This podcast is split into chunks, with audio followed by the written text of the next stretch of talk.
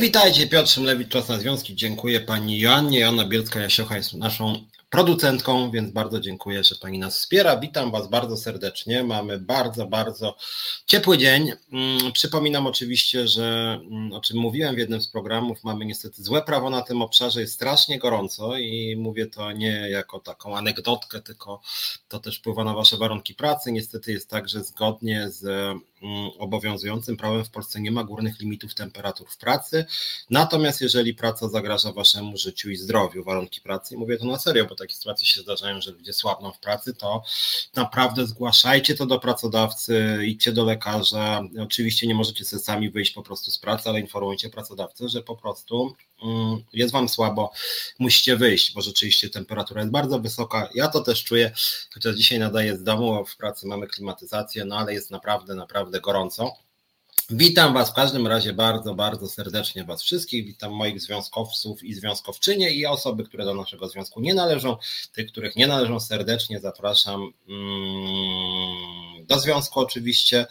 E, e, tu Katarzyna Zaręba-Niedźwiecka pisze, że szerowała uwagę o wieku emerytalnym Kaczyńskiego szydło, rekord dalszego szerowania, bardzo się podobało. Ja pisałem o tym e, referendum, o którym dzisiaj też chciałem powiedzieć sporo i w ogóle o temacie referendum i o tym, czym jest referendum i czym dla nas związkowców mogło być referendum.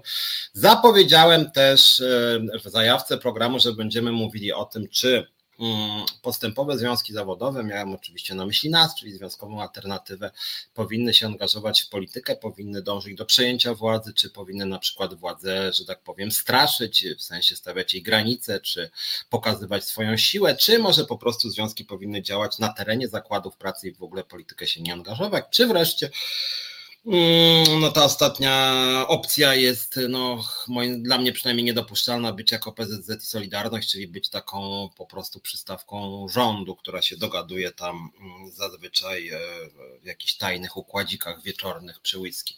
E, o tym wszystkim będę dzisiaj sporo mówił, natomiast słuchajcie na początek, tudum, tudum, Pan prezydent Andrzej Duda, słuchajcie, podpisał dzisiaj ustawę mniej więcej chyba dwie godziny temu dotyczącą ochrony liderów związkowych.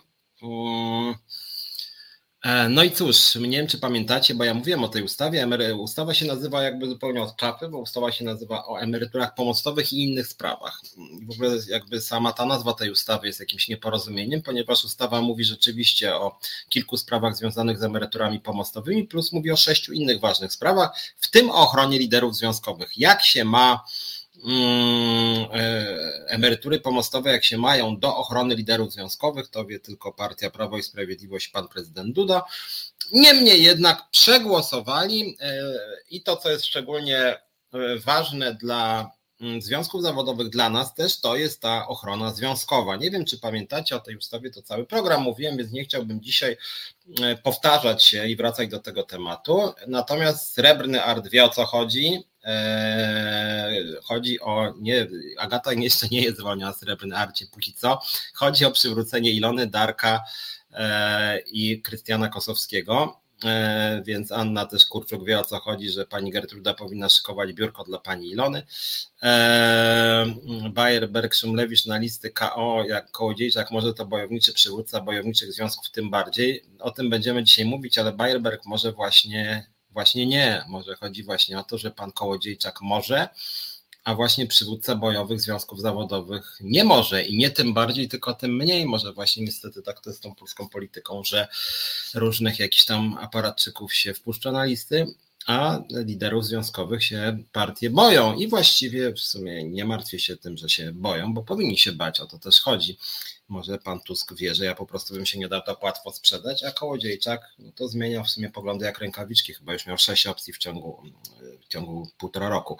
Ale o tym będziemy mówić później, natomiast chciałem powiedzieć, e, e, chciałem powiedzieć o tym, co się stało. Katarzyna Zaręba też, to jest ten sukces lewicy, można robić co się chce i, da, i nie da się zwolnić lidera, tak? Dokładnie o to chodzi. Przy, władza przyjęła bubel prawny, moim zdaniem bubel kompromitujący, natomiast tak się złożyło, że ten bubel prawny obejmuje trzech naszych zwolnionych chronionych liderów.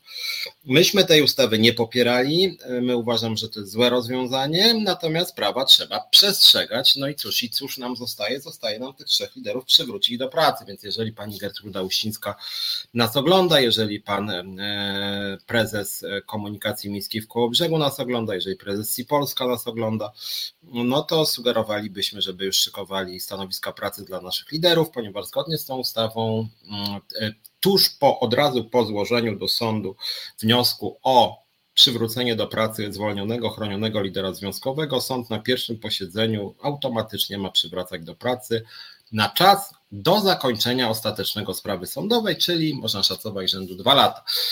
Jak mówię, my byliśmy przeciwko tej ustawie, jesteśmy przeciwko tej ustawie. Naszym zdaniem to jest wylewanie, że tak powiem, dziecka z kąpielą. Nasi liderzy zostali zwolnieni w sposób niezgodny z prawem, w sposób nieuczciwy, w sposób skandaliczny, w wyniku nagonek pracodawców, natomiast, e, natomiast jesteśmy przeciwni temu, żeby e, wszystko wrzucić do jednego worka i żeby tacy nasi liderzy jak nasi byli tak samo chronieni jak przestępcy, a dokładnie tak jest. To znaczy Ilona Garczyńska na przykład została zwolniona za krytykę pracodawcy po prostu e, i pani Uścińska dostała jakiegoś szału i postanowiła ją wyrzucić, bo tak chciała. I to samo zresztą było z Darkiem, to samo było z Krystianem.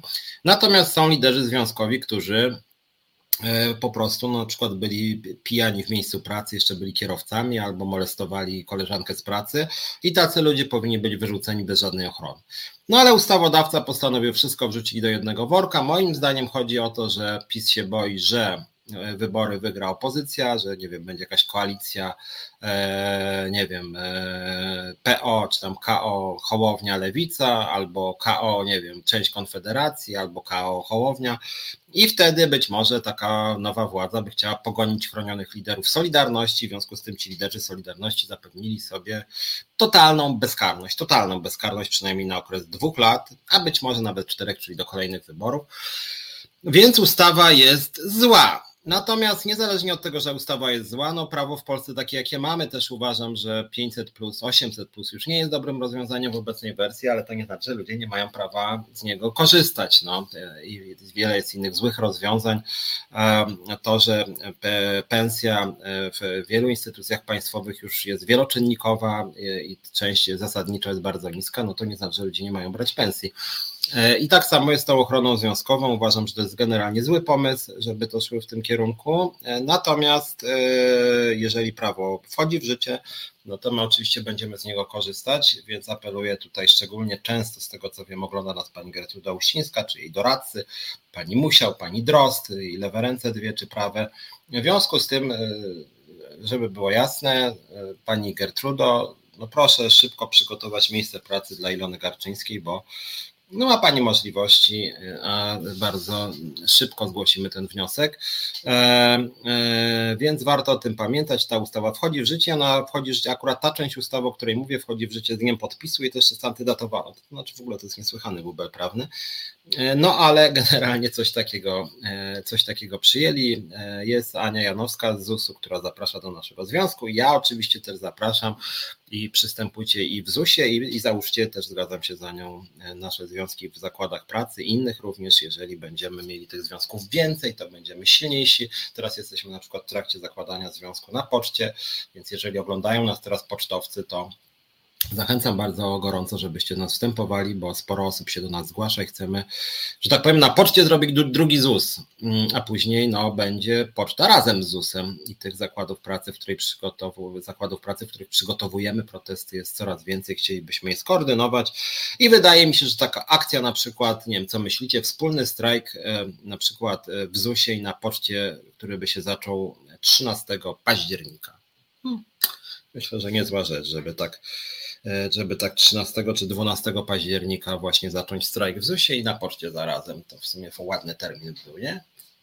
Piątek, dobrze, 15 jest niedziela wybory, mm, a, czyli czwartek, no dobra, czwartek 12, 12 października zablokować pocztę ZUS na początek. Uważam, że to jest dobry pomysł, biorąc pod uwagę to, jak się tam zarabia, e, a zarabia się dramatycznie źle. Więc tak na początek, pamiętajcie, weszło nowe prawo, e, właśnie podpisał pan prezydent ustawę o emeryturach pomostowych, która dotyczy między innymi ochrony liderów związkowych wkrótce, więc y, nasi liderzy wrócą do pracy. Aczkolwiek oglądajcie mój program.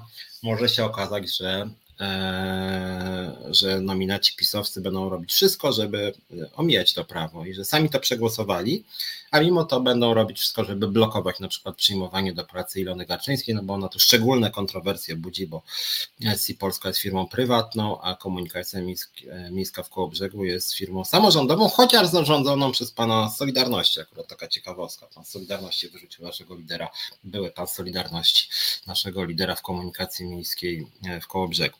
E, pan Jaczyński. E, więc, więc o tym pamiętajmy e, i ciekaw jestem rzeczywiście, co pani, co pani Uścińska teraz zrobi. Czy znowuż powie dekretem, że może i nowe prawo weszło, ono sobie nie życzy jednak Ilony w pracy, chociaż literalnie prawo mówi, że mają natychmiast przywrócić. Natomiast pamiętajcie, co ta władza robi z sędziami, których nie lubi, z panem Tuleją na przykład, z panem Juszczyszynem. Otóż jak chodzi o pana Tuleję czy pana Juszczyszyna, to są wyroki sądów, że pan Juszczyszyn czy pan Tuleja mają wrócić do pracy w trybie natychmiastowym i pisowscy prezesi sądów mówią nie. No to wtedy Juszczyszyn mówi, ale jak, jak nie, jak jest wyrok sądu, to, co wy w ogóle sobie możecie? A możemy, nie, nie przyjmujemy pana.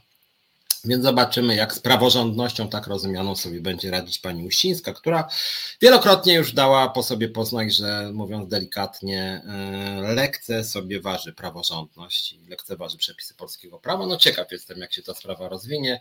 Tak czy inaczej, my będziemy w ZUS-ie działać coraz ostrzej, coraz radykalniej. Niedługo tu zaproszę Ilonę, więc po raz kolejny przekażę Wam wtedy, jakie działania w najbliższych tygodniach i na wybory planujemy w Zakładzie Ubezpieczeń Społecznych. No, więc, więc to mm, gwoli wprowadzenia tego nie zapowiadałem, ale chciałem Wam o tym powiedzieć, że rzeczywiście ta ustawa została przegłosowana.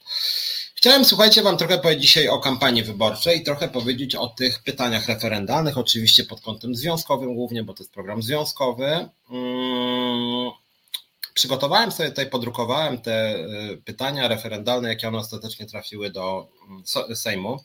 E, natomiast muszę Wam powiedzieć, że to, co się dzisiaj działo w kontekście wyborów, też mnie zbulwersowało, więc sam się teraz zastanawiam, czy zacząć od tych pytań referendalnych, czy zacząć od tej sceny politycznej, która przyznam szczerze, straszliwie mnie e, denerwuje, jest kompletnie jakaś bezideowa, jakości politycy to tak sobie fruwają między tymi partiami, w ogóle gdzieś program całkowicie e, umyka i nie ma dla nikogo żadnego znaczenia. E, ale okej, okay, zacznijmy może słuchajcie od, od tych pytań referendalnych. Gonia się pyta, kiedy pani Ilona, pan Darek i jeszcze pan Krystian jest i Polska wracają do pracy. No generalnie rzecz biorąc na szybko będziemy, no dzisiaj to się stało, ta decyzja prezydenta, więc pewnie jutro, pojutrze będziemy rozmawiać z naszymi prawnikami nad tym, tymi wnioskami o przywrócenie do pracy. I jak mówię, zgodnie z ustawą liderzy mają wrócić do pracy przy pierwszym posiedzeniu sądu, po prostu kiedy jest wniosek o e, to się nazywa e, zabezpieczenie i w ramach tego zabezpieczenia właśnie liderzy związkowi mają wracać do pracy do co najmniej do zakończenia sprawy sądowej. Czyli sprawa sądowa dalej sobie będzie trwać, ale póki sprawa sądowa, to ci nasi liderzy i w ogóle liderzy związkowi, chronione osoby ze związków mają e, wracać do e, pracy. E, czy warto o tych pytaniach gadać? Katarzyna pyta. Otóż wiesz co, Katarzyna, moim zdaniem warto. Warto chociażby dlatego, żeby je e, rozbrajać, e, dlatego że dla nas takich e, wielkomiejskich, że tak powiem, antypisowskich wyborców, pewnie większość z nas to są właśnie tego typu wyborcy, te pytania są po prostu bez sensu. Mm, ale dla części obywateli jednak coś w tych pytaniach może być ciekawego. A poza tym, słuchaj, Katarzyno, też stwierdziłem, że chciałem powiedzieć trochę o tych pytaniach referendalnych, żeby wskazać na kilka innych pytań, o których można byłoby e, sobie porozmawiać e, i chciałbym e, zastanowić się nad Wami, czym byłoby na przykład dobrze rozumiane referendum, o co warto byłoby spytać, że tak powiem, w referendum, co byłoby, że tak powiem, dobrym referendum, już nawet poza tymi wyborami parlamentarnymi, ale żeby, e, e, co, co, jakie pytania waszym zdaniem warto byłoby zadać że tak powiem, w referendum, tak jak ono powinno działać w demokratycznym państwie prawa, powiem o tak. Więc, więc te pytania, które zadał PiS, chciałem jako taki punkt wyjścia do dyskusji na temat w ogóle tego, co powinno się, e, co powinno się pojawić w referendum. E, I wtedy, kiedy to referendum miałoby jakieś pozytywne skutki. Charlie Bell pyta, czy prawo działa wstecz w tym przypadku. Rozumiem, że chodzi o tę ustawę o związkach zawodowych. Otóż Charlie Bell, jednym z elementów, że tak powiem, e, bublowatości tego prawa jest to, że ono działa wstecz. co jest w ogóle jakimś kolejnym, jednym z wielu kuriozalnych elementów tych przepisów. Ja o nich już mówiłem, więc mówię, nie chcę wracać do tych przepisów, ale ono, znaczy ono działa też w tym sensie, że ono dotyczy spraw trwających. Czyli jeżeli na przykład dwa lata temu byłeś zwolniony z pracy i trwa postępowanie sądowe, to zgodnie z tą ustawą możesz wnieść wniosek do sądu o zabezpieczenie, żebyś wrócił do pracy do zakończenia e, trwania właśnie tego procesu o przywrócenie cię do pracy. Tak to wygląda dokładnie. E, no właśnie, Gonia Francuz mówi, że trzeba wyjaśnić, jakiego rodzaju pytania powinny być zadawane w referendach. E, pytanie referendalne Srebrnego Arta, naszego też działacza związkowego, czy jesteś za wprowadzeniem w Polsce powszechnego dobrobytu? No trochę to idzie w tym kierunku, tylko różnica między twoim pytaniem Srebrny Art, a pytaniami pisowskimi jest takie, że twoje pytanie, no to jest takie pytanie, no czy jesteś za tym, żeby było dobrze, czy jesteś za tym, żeby było źle, nie? E, natomiast pytania pisowskie jednak idą w trochę innym kierunku. Pytania pisowskie, one nagłaśniają pewne obszary życia społecznego, które akurat interesują PiS nie pytają o te obszary, na których PiS sobie nie radzi. Tak? Nie ma pytań o ochronę zdrowia, nie ma pytań o śmieciowe zatrudnienie, nie ma pytań o związki zawodowe, o czym dzisiaj trochę porozmawiamy sobie, e, e, nie ma pytań o wysokość emerytur, jest wiek emerytalny, nie ma pytań o usługi publiczne, dlatego że one są w stanie dosyć katastrofalnym i tak dalej, i tak dalej, więc to nie jest po prostu pytanie, czy jest dobrze, tylko to, jest, to są pytania, które dotyczą ważnych spraw dla Prawa i Sprawiedliwości. E, zgoda oczywiście z Stanisławem Hasą, że pytania nie powinny sugerować odpowiedzi. Natomiast te pytania mają, że tak powiem, więcej, znacznie jeszcze wad niż nawet sugerowanie odpowiedzi. One są po prostu bez sensu. I to jest ich zasadniczy problem, że te pytania referendalne wszystkie lub prawie wszystkie, trzy z czterech są kompletnie bez sensu, są idiotyczne. Znaczy nie ma możliwości sensownej odpowiedzi tak czy nie na te pytania. I tu jest kluczowy moim zdaniem problem. I o tym chciałem parę zdań powiedzieć też dlatego też ten program dzisiejszy, jak chodzi o tą część związaną z pytaniami referendalnymi, chciałbym, żeby to był taki, no taka edukacja obywatelska, żeby wam też pokazać, dlaczego te pytania moim zdaniem są bez sensu. Więc e, żeby nie być gołosłownym, pytanie w sumie moim zdaniem mogłoby być ciekawe, niestety nie jest ciekawe, jest bez sensu. Jak pamiętacie, pan Jarosław Kaczyński powiedział, czy e, popierasz wyprzedaż przedsiębiorstw państwowych? Czy jesteś za wyprzedażą przedsiębiorstw państwowych. Ja od razu wtedy, w związku z tym, że ja trochę siedzę w tej problematyce, ja działałem kiedyś w państwowych portach lotniczych, mm, które były przedsiębiorstwem państwowym, już nie są skądinąd od niedawna. E, ja wiem, czym są przedsiębiorstwa państwowe i od razu to, co mnie uderzyło, polityce dopiero po dwóch dniach to uświadomili. Otóż słuchajcie, e, nie wiem, czy wiecie, przedsiębiorstw państwowych w Polsce jest 18, z czego 8 jest w stanie upadłości tak naprawdę aktywnych już nawet nie jest 10, tylko 9, dlatego że przedsiębiorstwo państwowe Porty Lotnicze już nie jest przedsiębiorstwem państwowym, stało się częścią CPK-u, zmieniło strukturę właścicielską, strukturę prawną, w związku z tym tak naprawdę aktywnych przedsiębiorstw państwowych jest 9. E, ciekawostka Wam sprzedam sprzed 25 minut, 6 minut przed programem stwierdziłem, że otworzę sobie w sieci stronę przedsiębiorstwa państwowe na stronie dane.gov.pl Piszcie sobie przedsiębiorstwa państwowe e, dane i od razu Wam to wyskoczy. I uwaga, uwaga, nie wiem jak teraz, ale 25 minut temu ta strona w czarodziejski sposób przestała działać. Działała jeszcze 3 dni temu, teraz działać przestała. Rządowa strona gov.pl końcówka. Wątpię, żeby akurat teraz było tam tak strasznie dużo odsłon, żeby ta strona się blokowała. W każdym razie strona z jakichś przyczyn została mm, czasowo zablokowana. Mm, e, więc tak to wygląda. Teraz Charlie Bert słusznie zadaje to pytanie, które trafiło do Sejmu. E, mniej więcej tak, tak to wygląda, jak ty napisałeś. Charlie Bert, czyli czy popierasz wyprzedaż majątku państwowego podmiotom zagranicznym prowadzącą do kontroli, do utraty kontroli Polek i Polaków nad strategicznymi sektorami gospodarki. Dokładnie tak to wygląda. E, natomiast w pierwotnej wersji prezes Kaczyński mówił właśnie o wyprzedaży mm, przedsiębiorstw państwowych, i tak to brzmiało. I najśmieszniejsze, słuchajcie, jest to, że jak ja słuchałem debat polityków przy tym przedsiębiorstwach państwowych, to był tak totalny bełkot, że nawet opozycja mówiła, no ale słuchajcie, przecież przedsiębiorstw państwowych w Polsce jest 10 czy 18, tak, czy razem z tymi, co są w stanie upadłości, czy nie. A pisioro odpowiadała na przykład pan Fogiel, że przecież wiadomo o co chodzi, czyli chcą zadawać pytania, które są bez sensu, wiedzą, że są bez sensu, że są niezgodne z prawdą, ale takie chcą zadać, żeby było wiadomo o co chodzi, jak to mówił pan Fogiel i wielu innych pisowców, co jest oczywistym ośmieszaniem państwa. E, mówiłem o tej sprawie też wczoraj w programie Jacka Zimnika, więc nie chcę też się powtarzać, bo część z was pewnie ten program oglądało. Natomiast powiem wam tylko, że e, czym są przedsiębiorstwa państwowe w Polsce. Otóż przedsiębiorstwa państwowe to nie jest Orlen, to nie jest TVP, to nie, jest, to nie są przedsiębiorstwa państwowe, to są spółki Skarbu Państwa. Przedsiębiorcami państwowymi są m.in. Państwowe Przedsiębiorstwo Przemysłu Metalowego POMET albo Państwowe Przedsiębiorstwo Odzieżowe REKON. I teraz słuchajcie, e, to ten rekon, Rakon jest w, w Raciborzu. E, w, w Strzelcu Opolskim dla odmiany jest państwowa firma e, działająca na terenie zakładu karnego firma PPO, która zajmuje się produkcją obuwia, a we Włocławku jest zakład PPB Włocławek, który zajmuje się produkcją betonowych prefabrykatów i usługami ogólnobudowlanymi. I teraz tak merytorycznie. Czy ja jestem za wyprzedażą zakładu PB, PPB Włocławek który zajmuje się produkcją betonowych prefabrykantów i usługami ogólnobudowlanymi. Czy to musi być w rękach państwa, czy można to sprzedać, czy nie?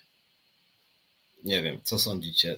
Sprzedajemy PPB Włocławek, który produkuje betonowe prefabrykanty, czy to jest, musi być, bo inaczej to jest się zepsutym liberałem, jak się to zostawi. No.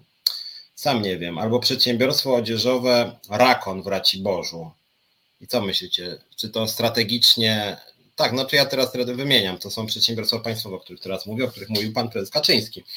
Myślę, ja nie wiem, czy, czy bym sprzedał takie raciborskie państwowe przedsiębiorstwo odzieżowe Rakon. Nie wiem, co myślicie. Już może prędzej zostawić to, to, to, to we Wronkach działa przemysłu metalowego Pomet. Nie wiem. Znaczy ja w sumie wstrzymuję się od głosu ja się znam na rzeczy, a mimo to nie znam tych firm. Nie wiem, czy, czy ktokolwiek z nas słyszał coś o PPB, PPB, dobrze mówię, PPB Włocławek, które produkuje betonowe prefabrykanty i usługi ogólnobudowlane, albo PPO, która zajmuje się produkcją obuwia i działa na terenie zakładu karnego w Strzelcu Opolskim. Nie wiem, to znaczy no nie, naprawdę nie wiem, musiałbym poczytać o tym, nie mam czasu czytać o tym. Jest to drugorzędne. I teraz, znaczy znaczy ja się śmieję, ale to jest śmieszne. O tym dokładnie mówią pan Jarosław, pan Kaczyński. Czy to się wywodzi jak przez Srebrny Art z poprzedniej epoki? Nie wiem znowuż Srebrny Art. Musiałbym zrobić research, sobie wpisać w, w, w, w KRS-ie. Każdy z was to może zrobić, a nie robię jakiegoś pogłębionego researchu. Ale czy one mają być w rękach państwa, czy nie, trudno powiedzieć. Teraz e, słusznie Piotr Strychalski mówi w ogóle, że jeżeli nawet to komu? To znaczy, bo można też sprzedać z jednego podmiotu publicznego na inny podmiot publiczny, to też jest wyprzedaż. Więc pojęcie wyprzedaży jest tu intuicyjne, jak to mówił pan Fogiel. Pojęcie e, przedsiębiorstwa państwowego jest nie tyle intuicyjne, co jest niezgodne z prawdą, bo im chodzi, jak tłumaczył pan Fogiel, o firmy typu Orlen i PLL Lot, nie, które nie są przedsiębiorstwami państwowymi, I teraz wchodzi pytanie, bo sam PiS ośmieszając swojego prezesa Kaczyńskiego, czy sam Kaczyński ośmieszając siebie, do Sejmu wprowadził inne pytanie, które brzmi, czy popierasz wyprzedaż majątku państwowego podmiotom zagranicznym prowadzącą do utraty kontroli Polek i Polaków nad strategicznymi sektorami gospodarki. Nie wiem, co sądzicie, ale moim zdaniem Polki i Polacy nie mają obecnie kontroli nad strategicznymi sektorami gospodarki. Ja jestem Polakiem, może to się nie podobać panu Kaczyńskiemu, ale jestem Polakiem. Mam dowód osobisty, urodziłem się w Polsce, mieszkam w Polsce, mam obywatelstwo polskie. Nie mam kontroli nad strategicznymi sektorami gospodarki, więc, więc jak oni piszą, że czy chcesz chronić przed utratą kontroli Polek i Polaków, to ja nie wiem, bo nie ma tej kontroli. Kontrola jest państwa, a dzisiaj jest kontrola pisowskiego państwa, czyli na przykład pan Janusz Kowalski dostaje stołek i 2 miliony zarabia w rok w państwowej spółce. Spółce Skarbu Państwa, przepraszam, sam się łapię. E, no, w związku z tym, i teraz tak, co to w ogóle znaczy majątek państwowy? Też nie ma takiej kategorii jak majątek państwowy. Czy PLL to jest majątek państwowy? Nie wiem. Moim zdaniem pojęcie majątku państwowego jest bliskie tym przedsiębiorstwom państwowym, dlatego że ani Orlen, ani TVP, ani PLL de facto to nie jest majątek państwowy. To znaczy może najbardziej to, to TVP, bo TVP jest bezpośrednio z budżetu dotowane w gigantycznej kwocie. Natomiast już na przykład e, Lotos e, czy Orlen, no z tym Lotosem to w ogóle, jak wiecie, zabawna sprawa, bo sami zaczęli handlować Lotosem, ale jak chodzi o Orlen, PGNiG e, czy PLL Lot, to to, to nie jest majątek państwowy, to nie jest sponsorowane przez państwo. Ewentualnie państwo może i to za zgodą Komisji Europejskiej dotować to jakoś, więc to zupełnie bez sensu. Eee, kompletnie bez sensu. Czy popierasz zamknięcie jakiejkolwiek polskiej kopalni? Też dobre było. Najpierw pisiory połowę zamknęła, a później by zapytały. No to tak, dokładnie tak. I teraz e, Katarzyna mówi, że pytania merytorycznie nie mają znaczenia i tego nikt nie sprawdzał. Chodzi tylko o efekt PR i tylko to sprawdzali specespis, czyli powraca pytanie, po co my to rozkminiamy.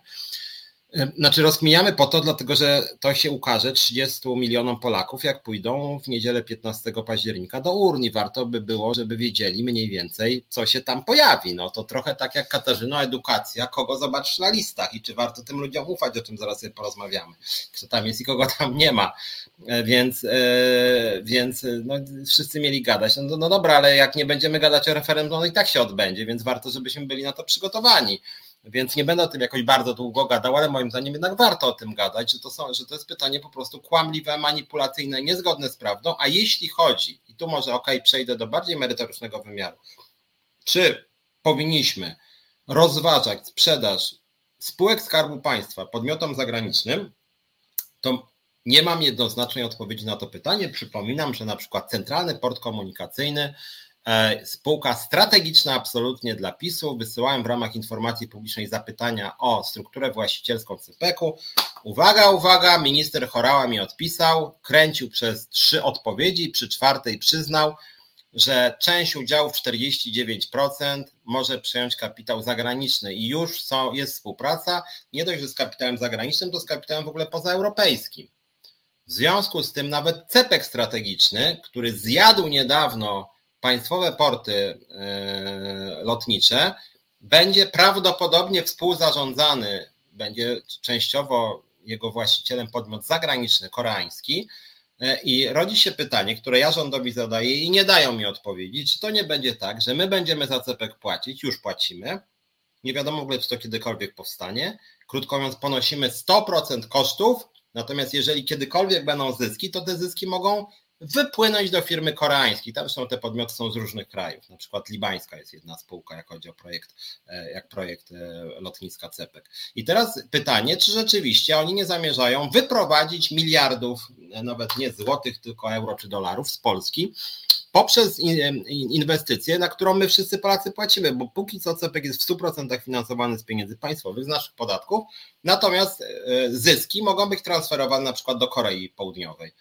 I, I akurat w tym kontekście nie pytanie jakieś głupie do referendum o wyprzedaż majątku państwowego, tylko o, o strategiczne zarządzanie. O, i Charlie Bird widzisz, i może takie rozmowy mają jakieś pozytywne aspekty.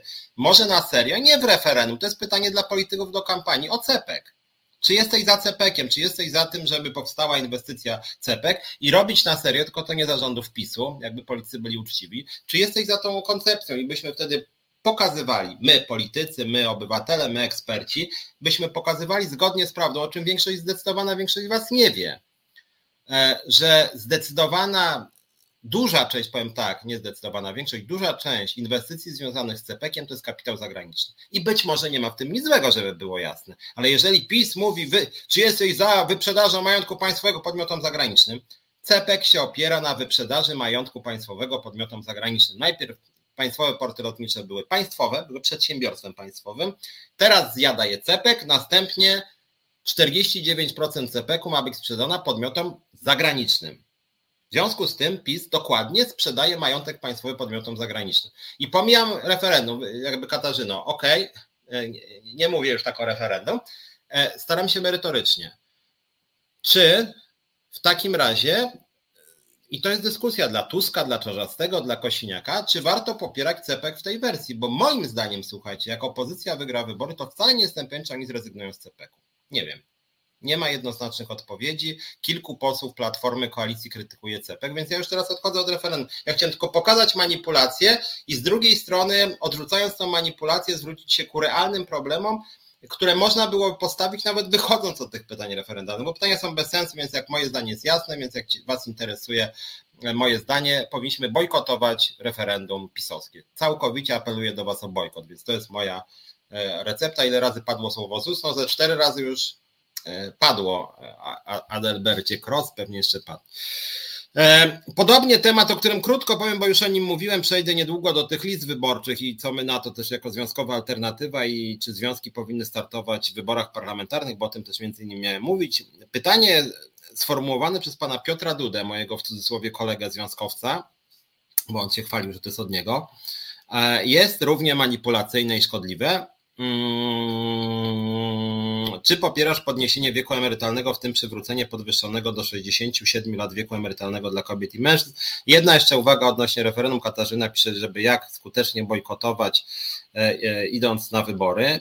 E, właśnie wiesz, Katarzyno, nie ma jeszcze przegłosowanej ustawy o referendum, więc ja nie chcę tutaj mówić o technikaliach, bo oni jeszcze mogą zmienić tą ustawę, mogą. E, więc póki co to najlepiej po prostu jak się idzie na chwilę obecną, to znaczy e, jeżeli idę e, głosować, to biorę kartę wyborczą, żeby oddać głos do Sejmu i Senatu i podpisuję, że odmawiam przyjęcia karty do referendum. Jeżeli ją wezmę, to mogę oddać głos nieważne, ale nieważne, ale oddam jednak. Przyszły poseł Kołodziejczak będzie hodował zboże i maliny na polu po Cepeku. Do Kołodziejczaka pewnie wrócimy. Ja z, o Cepeku rozmawiałem z panem Kołodziejczakiem. Pan Kołodziejczak był publicznie przeciwko CPK-owi, a w tym samym czasie jego asystentka mówiła, że tak między nami to w sumie moglibyśmy poprzeć ten CPK, więc to jest też stanowisko Kołodziejczaka moim zdaniem w tej sprawie. E, kolejka leci wyłącznie po wspomnieniu, wyłącznie tylko i wyłącznie podczas piątkowego programu Boom z Wieszczem Krzeniakiem. Dokładnie, to ja mówię bardzo serio o ZUS-ie, więc proszę mi tutaj jakiś kolejek nie mówić, jak mówię ZUS. E, zresztą sprawa ZUS-u jest dzisiaj poważna. Przypominam, Ilona Gaczyńska wkrótce wraca do roboty. E, E, no, natomiast wracając, czy przechodząc do tego, tej kwestii systemu emerytalnego, e, chciałem dwa słowa o tym powiedzieć i o tym warto mówić wielokrotnie, słuchajcie. I znowuż e, tutaj do Katarzyny, nie, nie będę, tak, Agronomia jest za, nawet przeciwko CPK-owi, dokładnie tak, jak we wszystkim prawie Kołodziejczak. Dla mnie to jest po prostu, dzisiaj może być z Platformą, jutro będzie z PiSem, a pojutrze z PSL-em. Ja tu nie wiem, czemu Tusk. No dobra, będziemy o tym jeszcze chwilę e, pewnie później rozmawiać, o tym Kołodziejczaku i tych listach wyborczych. E, natomiast wracając do tego systemu emerytalnego, e, moim zdaniem kwestia systemu emerytalnego jest bardzo ważna. Jest bardzo ważna, ale przede wszystkim jest ważna w szerszym kontekście. Znaczy, ja tutaj nie widzę możliwości referendum, szczerze powiedziawszy, w ogóle. Znaczy, w ogóle nie widzę możliwości referendum odnośnie wieku emerytalnego, z tego względu, że wiek emerytalny nie można wyrywać wieku emerytalnego e, z kontekstu, w którym on funkcjonuje. Co mam na myśli? Mam na myśli to, że to, czy wiek emerytalny e, jest taki, siaki, czy jeszcze inny, zależy od takich czynników jak oskładkowanie umów cywilnoprawnych, e, stan zdrowia społeczeństwa, długość życia społeczeństwa, polityka aktywizacji lub dezaktywizacji e, na rynku pracy przez władzę krajową. E, przede wszystkim wysokość świadczeń emerytalnych, to jest kluczowe właściwie, więc bez, bez tych zagadnień, pytań, no to co, jesteście za utrzymanie wieku emerytalnego czy podniesienie? I dla mnie jeszcze jedna ważna sprawa. Nie ma sensu pytać o ustawowy wiek emerytalny, kiedy ten ustawowy wiek emerytalny ma coraz mniejsze znaczenie, dlatego że liczy się realny wiek emerytalny realny, czyli jak, w jakim wieku realnie przechodzicie na emeryturę. No i tutaj jedna uwaga, warto zresztą, ta, ta uwaga dotycząca też polityki pisowskiego rządu. Na jednym ze szczytów w Brukseli pan Mateusz Morawiecki podpisał dokument, w którym zobowiązuje się, że polski rząd będzie dążył do realnego podnoszenia wieku emerytalnego. I to podpisało Prawo i Sprawiedliwość. Ja to popieram. Powinniśmy dążyć do tego, żeby ludzie dłużej pracowali. W tym samym czasie e, PiS prowadzi kłamliwą kampanię o tym, że oni obniżyli wiek emerytalny i już na zawsze będzie niski wiek emerytalny. Oni obniżyli wiek emerytalny ustawowy, co nie ma absolutnie żadnego znaczenia. Z tego co pamiętam zarządów Tuska, a właściwie nie Tuska, a w tym wypadku chodzi o rządy pani Kopacz, Otóż pod koniec rządów prawa, e, pod koniec rządów Koalicji Obywatelskiej, czy Platformy, przepraszam, Obywatelskiej i Polskiego Stronnictwa Ludowego, e, z tego co pamiętam, e, wśród osób w wieku emerytalnym, czyli po przekroczeniu tych limitów dla kobiet i mężczyzn, pracowało w wieku emerytalnym około 500 tysięcy osób. 500 tysięcy. Zarządów Prawa i Sprawiedliwości w roku 2023 według szacunków na podstawie danych GUS-u i tak na podstawie tego, co się działo w ostatnich latach, bo ja znam dane sprzed, e, jeśli dobrze pamiętam, dwóch i pół roku. Otóż dwa i pół roku pracowało chyba w wieku emerytalnym około 850 tysięcy, w związku z tym dzisiaj moim zdaniem pracuje około miliona.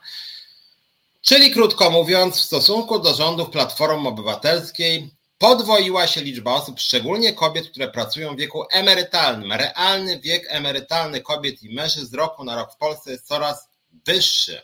W związku z tym, czy popierasz podniesienie wieku emerytalnego? Prawidłowa odpowiedź. Nie wiem, czy popieram, ale rośnie. Rośnie. I teraz dlaczego zmuszać ludzi, by pracowali dłużej? Cecylia pyta. Nie, podniesienie wieku emerytalnego nie jest zmuszaniem ludzi, by pracowali dłużej. Jeżeli przejdziesz w wieku przedemerytalnym, przedemerytalnym przejdziesz, Cecylia, nawet. Jak jest wiek 67, a ty przejdziesz 61, jak jest 60, to przejdziesz 57, to będziesz mieć emeryturę, tylko będziesz mieć emeryturę śmieciowo niską. E, jeżeli przejdziesz, Cecylia, w wieku emerytalnym Prawa i Sprawiedliwości 60 lat, 60 lat, wybór to nazywasz, to wybierzesz sobie głodową starość, że będziesz żebry, żebrać, albo będziesz miała, nie wiem, bogatego przyjaciela, kochanka, czy męża, czy żonę. W związku z tym to jest bredzenie o tym wieku emerytalnym, dlatego że w wieku 60 lat, jak kobiety przechodzą, to będą głodować po prostu i wszystkie dane GUS-u, Eurostatu czy ZUS-u pani Uścińskiej wskazują, że osoby, które przechodzą na emeryturę w wieku 60 lat, będą głodowały, czy mężczyźni, czy kobiety. Jeżeli w momencie, kiedy Platforma podniosła, w ogóle nie podniosła, druga sprawa warto, Platforma i PSL nie podniosły wieku do 67 lat nigdy. Nie podniosły nie podniosły. Platforma z PSL-em wprowadziły mechanizm, że z roku na rok wiek emerytalny wydłuża się, wydłuża się bardzo stopniowo o kilka miesięcy rocznie i do 2040 roku kobiety miały zgodnie z modelem Platformy PSL-u pracować 67 lat. Ale też nie pracować obowiązkowo, tylko wiek emerytalny miał być ustalony na poziomie 67 i gdyby kobiety pracowały 67 w modelu Platformy, to miałyby radykalnie wyższą emeryturę niż przy 60 w modelu PiSu. Gdyby kobiety przechodziły na emeryturę w 2040 roku w wieku 60 lat, to też nie dostawałyby nic. Dostawałyby emeryturę, tylko również bardzo niską. Więc tak naprawdę bardzo dużo się tu nie zmienia, ponieważ wiek ustawowy nie jest kluczowy w tym wszystkim. Polski system właściwie jest umowny tak naprawdę i zarządów PiSu, i zarządów PO. Mamy mechanizm w polskim systemie emerytalnym, który mówi, że dajemy ci taką emeryturę, jaką sobie powpłacałeś składek. Że dajemy ci taką emeryturę, jaka wychodzi z policzenia, ile wpłaciłeś do systemu i ile ci wyszło jeszcze lat życia przed tobą. Rozumiecie? Że jeżeli ja przechodzę w wieku 65 lat na emeryturę i mam pewną kwotę, którą wpłaciłem przez całą karierę zawodową, to system, Zakład Ubezpieczeń Społecznych przelicza, ile tych pieniędzy jest i dzieli je przez przewidywaną długość życia, średnią dla mężczyzn, dla kobiet. A w związku z tym, że kobiety żyją dłużej, to kobiety są podwójnie dyskryminowane, bo mają wcześniejszy wiek emerytalny i dłużej żyją.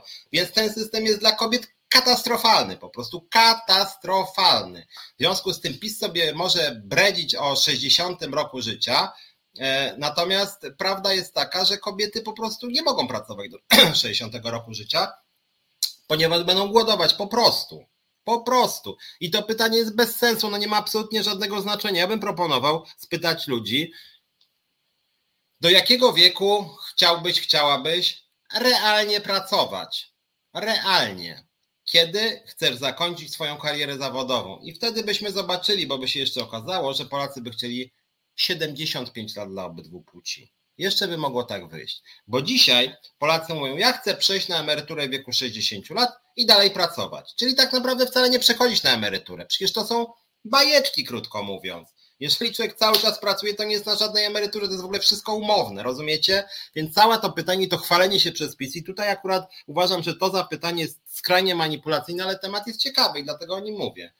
E, więc, więc to są wszystko bzdury i, wszystko, i, i bardzo ważne w tym kontekście jest przede wszystkim to, że warto byłoby oskładkować wszystkie rodzaje umów, wszystkie rodzaje umów, żebyśmy mieli więcej tych pieniędzy w naszym koncie emerytalnym. Ja w ogóle jestem zwolennikiem tego, żeby odejść od tego systemu indywidualnego i powrócić do, e, do e, systemu opartego na solidarności pokoleń, czyli przepraszam, my płacimy na naszych rodziców i dziadków, my na nich, bo oni ciężko pracowali i my ze swoich pensji będziemy utrzymywać ich emerytury. To jest moim zdaniem, zdaniem lat znacznie uczciwszy system i on wcale nie był tylko w PRL-u, ale jest również w większości krajów Unii Europejskiej.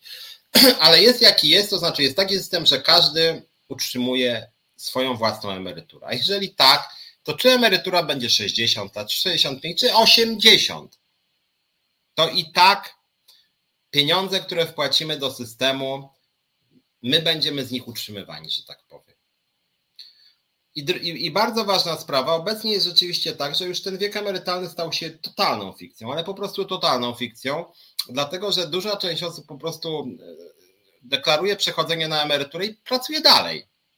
I pobiera emeryturę i zarazem sobie dorabia i kombinuje, jakby tutaj dorabiać, a jeszcze tam są limity zarobku, w związku z tym część na, na, na, na czarno, czy na jakiejś szarej strefie pracuje, więc z tym jest skrajnie patologiczny, więc moim zdaniem to idiotyczne pytanie PiSu jest rzeczywiście dobrą okazją, żeby zastanowić się nad reformą systemu emerytalnego. Nad tym na przykład, żeby Polacy i Polki e, dłużej żyli w zdrowiu, czyli badania profilaktyczne, czyli ochrona zdrowia, tak, żeby ludzie mogli dłużej zostać na rynku pracy, bo jak ktoś rzeczywiście w wieku nawet 54 e, e, ma, e, nie wiem, jakieś zwyrodnienia w kościach, no to przechodzi na rentę.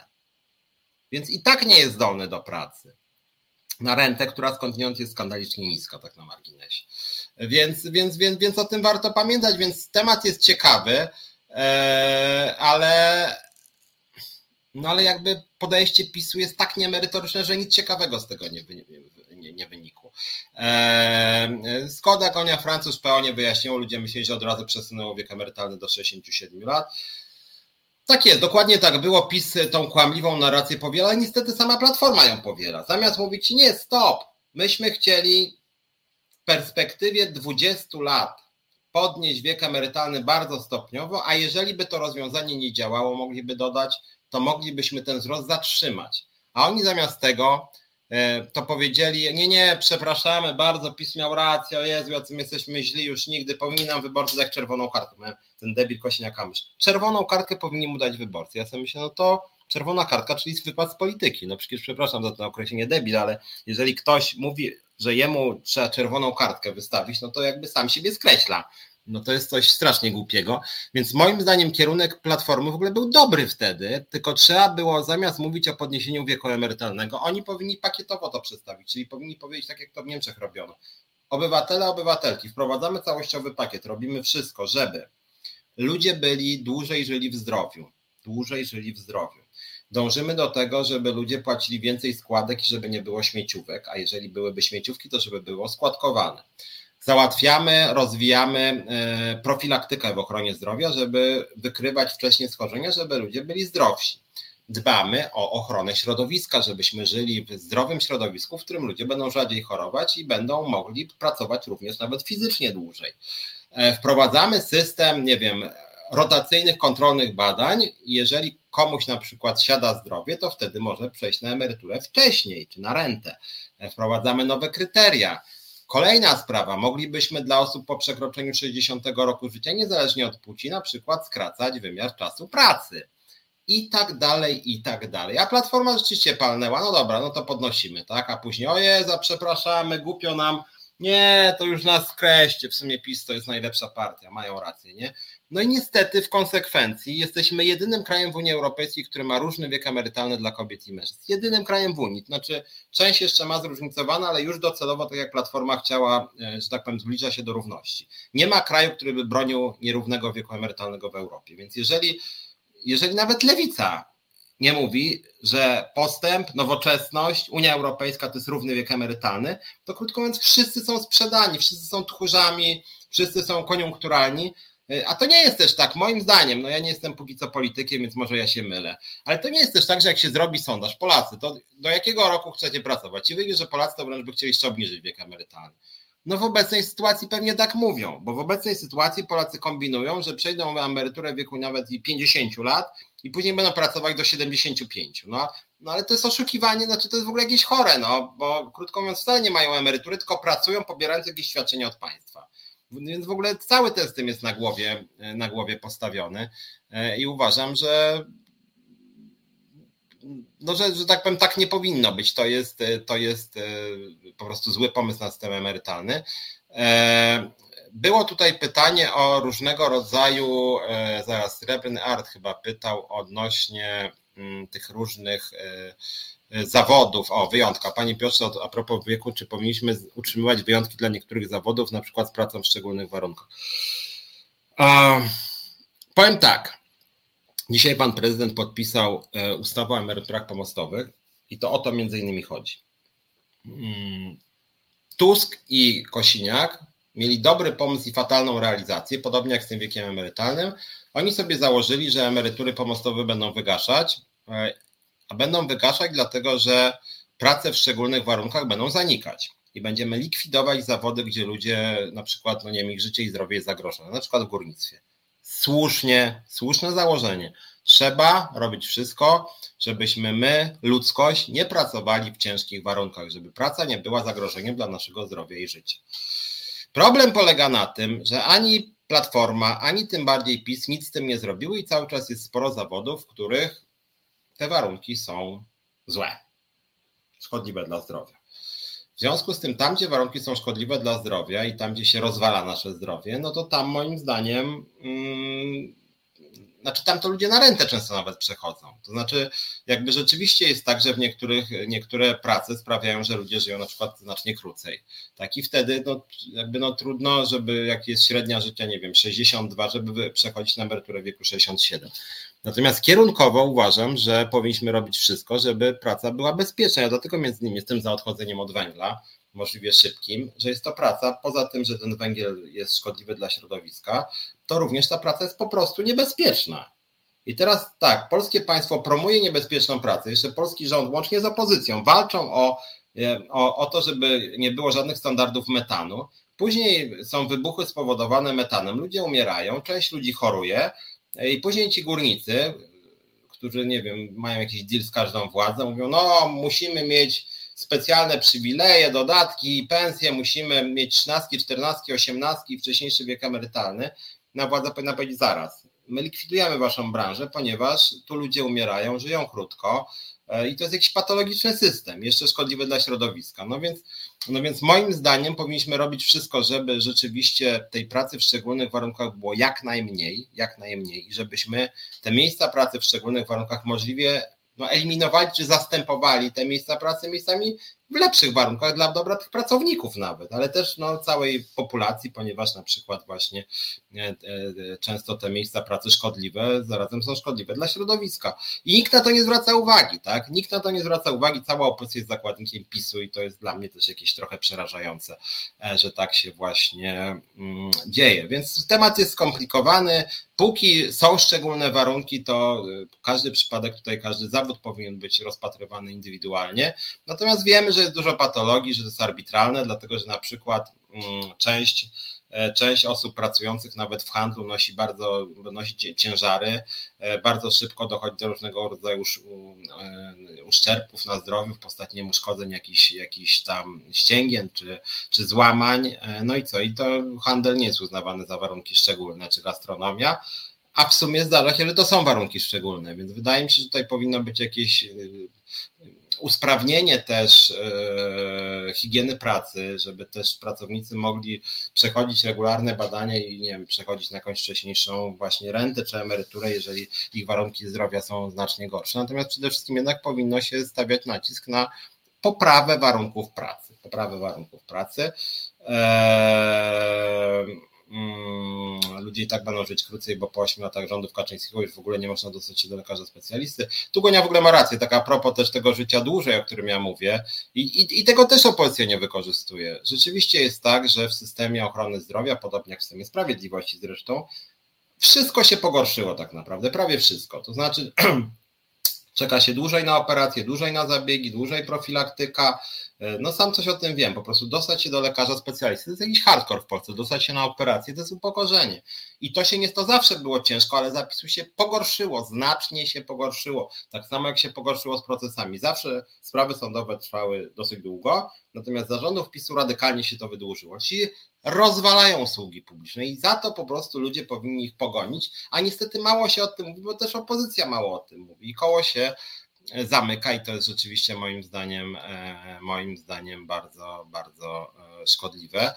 E, brak możliwości rozwoju samozainwestowania, drakońskie podatki, opieka medyczna z piekła rodem, katofaszystowskie traktowanie kobiet powoduje, że Polakowi już około 30 nie chce się pracować. No nie przesadzaj, boli ali wytrzymam. No ja mam lat 47 i chce mi się jeszcze pracować. Akurat podatki nie są jakieś strasznie w Polsce wysokie, o tym któregoś dnia możemy szerzej porozmawiać. E, natomiast rzeczywiście usługi publiczne są na bardzo, bardzo niskim poziomie. E, władza niszczy też, co ja podkreślam jako lider związkowy, kadrę urzędniczą przez bardzo niskie pensje, przez duży poziom kolesiostwa, co też wpływa na niski poziom jako, jakości usług publicznych. No i to niestety tak wygląda. No. E, że to jest bardzo, bardzo smutne. Słusznie Katarzyna pisze, wszystko zależy od pracy. Niektórzy chcą pracować póki mogą i to lubią, niektórzy odliczają dni do e, końca. E, od pewnego wieku powinna być możliwość pracy na 80, 50%, 25%. Znaczy, no właśnie, ja też o tym mówię, że w Szwecji chyba tak jest. Są takie kraje, gdzie jest takie elastyczne przechodzenie na emeryturę, żeby na przykład właśnie móc przechodzić na 3 czwarte etatu, pół etatu. No niby w Polsce można, to nie jest promowane, a przez kogo ma być promowane? No przez państwo oczywiście. Ja jako związkowiec, taka moja agenda polityczna jest taka, dbajmy o wysokiej jakości usługi publicznej o budżetówkę, dlatego że to jest wzorzec dla całego rynku pracy.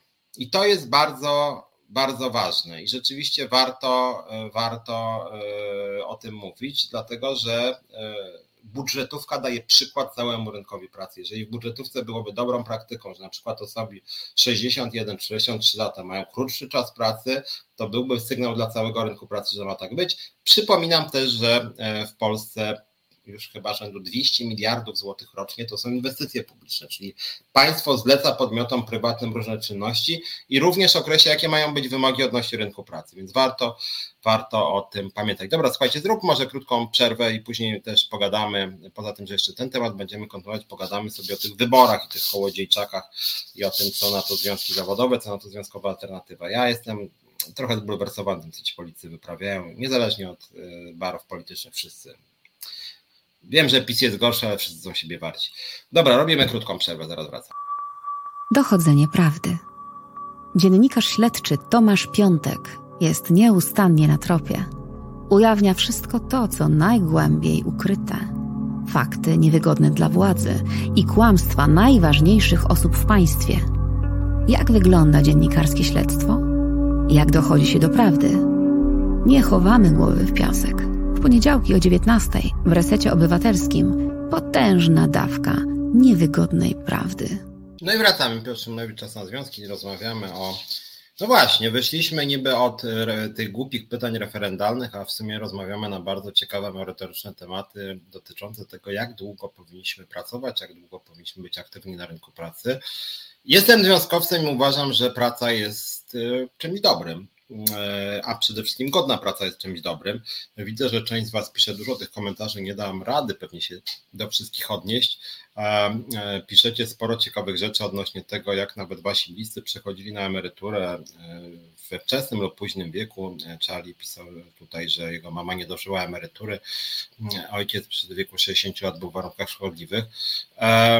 Jakby to powiedzieć, różnie bywa, bo teraz pytanie jest takie, no część osób żyje lat 90, część żyje 63, Mm, y, moim zdaniem kluczowe jest to, żeby też, i to chyba się wszyscy powinniśmy zgodzić, że powinna się poprawić jakość pracy. Jakość pracy, bezpieczeństwo, BHP, e, mm, to, żeby ta praca nie była szkodliwa dla zdrowia, żebyśmy byli zdolni do pracy latami, bo tutaj y, ja teraz mówię o swoich własnych doświadczeniach rodzinnych. Że rzeczywiście moment wypadnięcia z rynku pracy, szczególnie dla mężczyzn w Polsce, jest czymś dramatycznym, bo to jest desocjalizacja, to jest wypadnięcie z pewnego obiegu towarzyskiego, to jest utrata uznania społecznego i to są często bardzo poważne stresy. Mówię, szczególnie dla mężczyzn, w tym sensie, że kobiety w Polsce tradycyjnie przez lata zajmowały się częściowo znacznie bardziej dziećmi, w związku z tym i tak wypadały z rynku pracy, a dla mężczyzn był skok. Najpierw ich pozycja też w rodzinie była zależna i dominująca często pozycja, że to oni byli głową rodziny, prawda, pracująca i później jak taki ojciec i mąż wypadał z rynku pracy, no to była jego, że tak powiem, deklasacja, nawet w oczach żony, przynajmniej tak mu się wydawało, czy dziecka. E, moim zdaniem warto dążyć do zrównania ról kobiet i mężczyzn w domu i na rynku pracy. I to jest rzecz podstawowa i oczywista, i potem zrównanie wieku emerytalnego kobiet i mężczyzn jest czymś oczywistym. E, ale z drugiej strony wydaje mi się, że praca jest pewnym samoistnym dobrem i należy do tej szkoły myślenia o gospodarce i społeczeństwie, zgodnie z którym bezrobocie czy bierność zawodowa jest pewną społeczną chorobą czy schorzeniem, problemem społecznym, powiem tak, czyli taka alienacja, bo osoby, które nie pracują znacznie częściej, są na to badania, znacznie częściej są poza różnymi kręgami towarzyskimi, są wyalienowane, tak, są markotne, e, są e, zawstydzone, są po prostu poza życiem społecznym, więc wydaje mi się, że no ja to mówię jako związkowiec, my walczymy o to, żeby praca z jednej strony była dobrze płatna, oczywiście dużo lepiej niż jest, bo w Polsce fundusz płac łącznie w stosunku do PKB, e, fundusz płac należy do najniższych w Unii Europejskiej. Witam Darka Pawelczaka, e, jednego z tych naszych liderów, który właśnie niedługo pewnie wróci do pracy.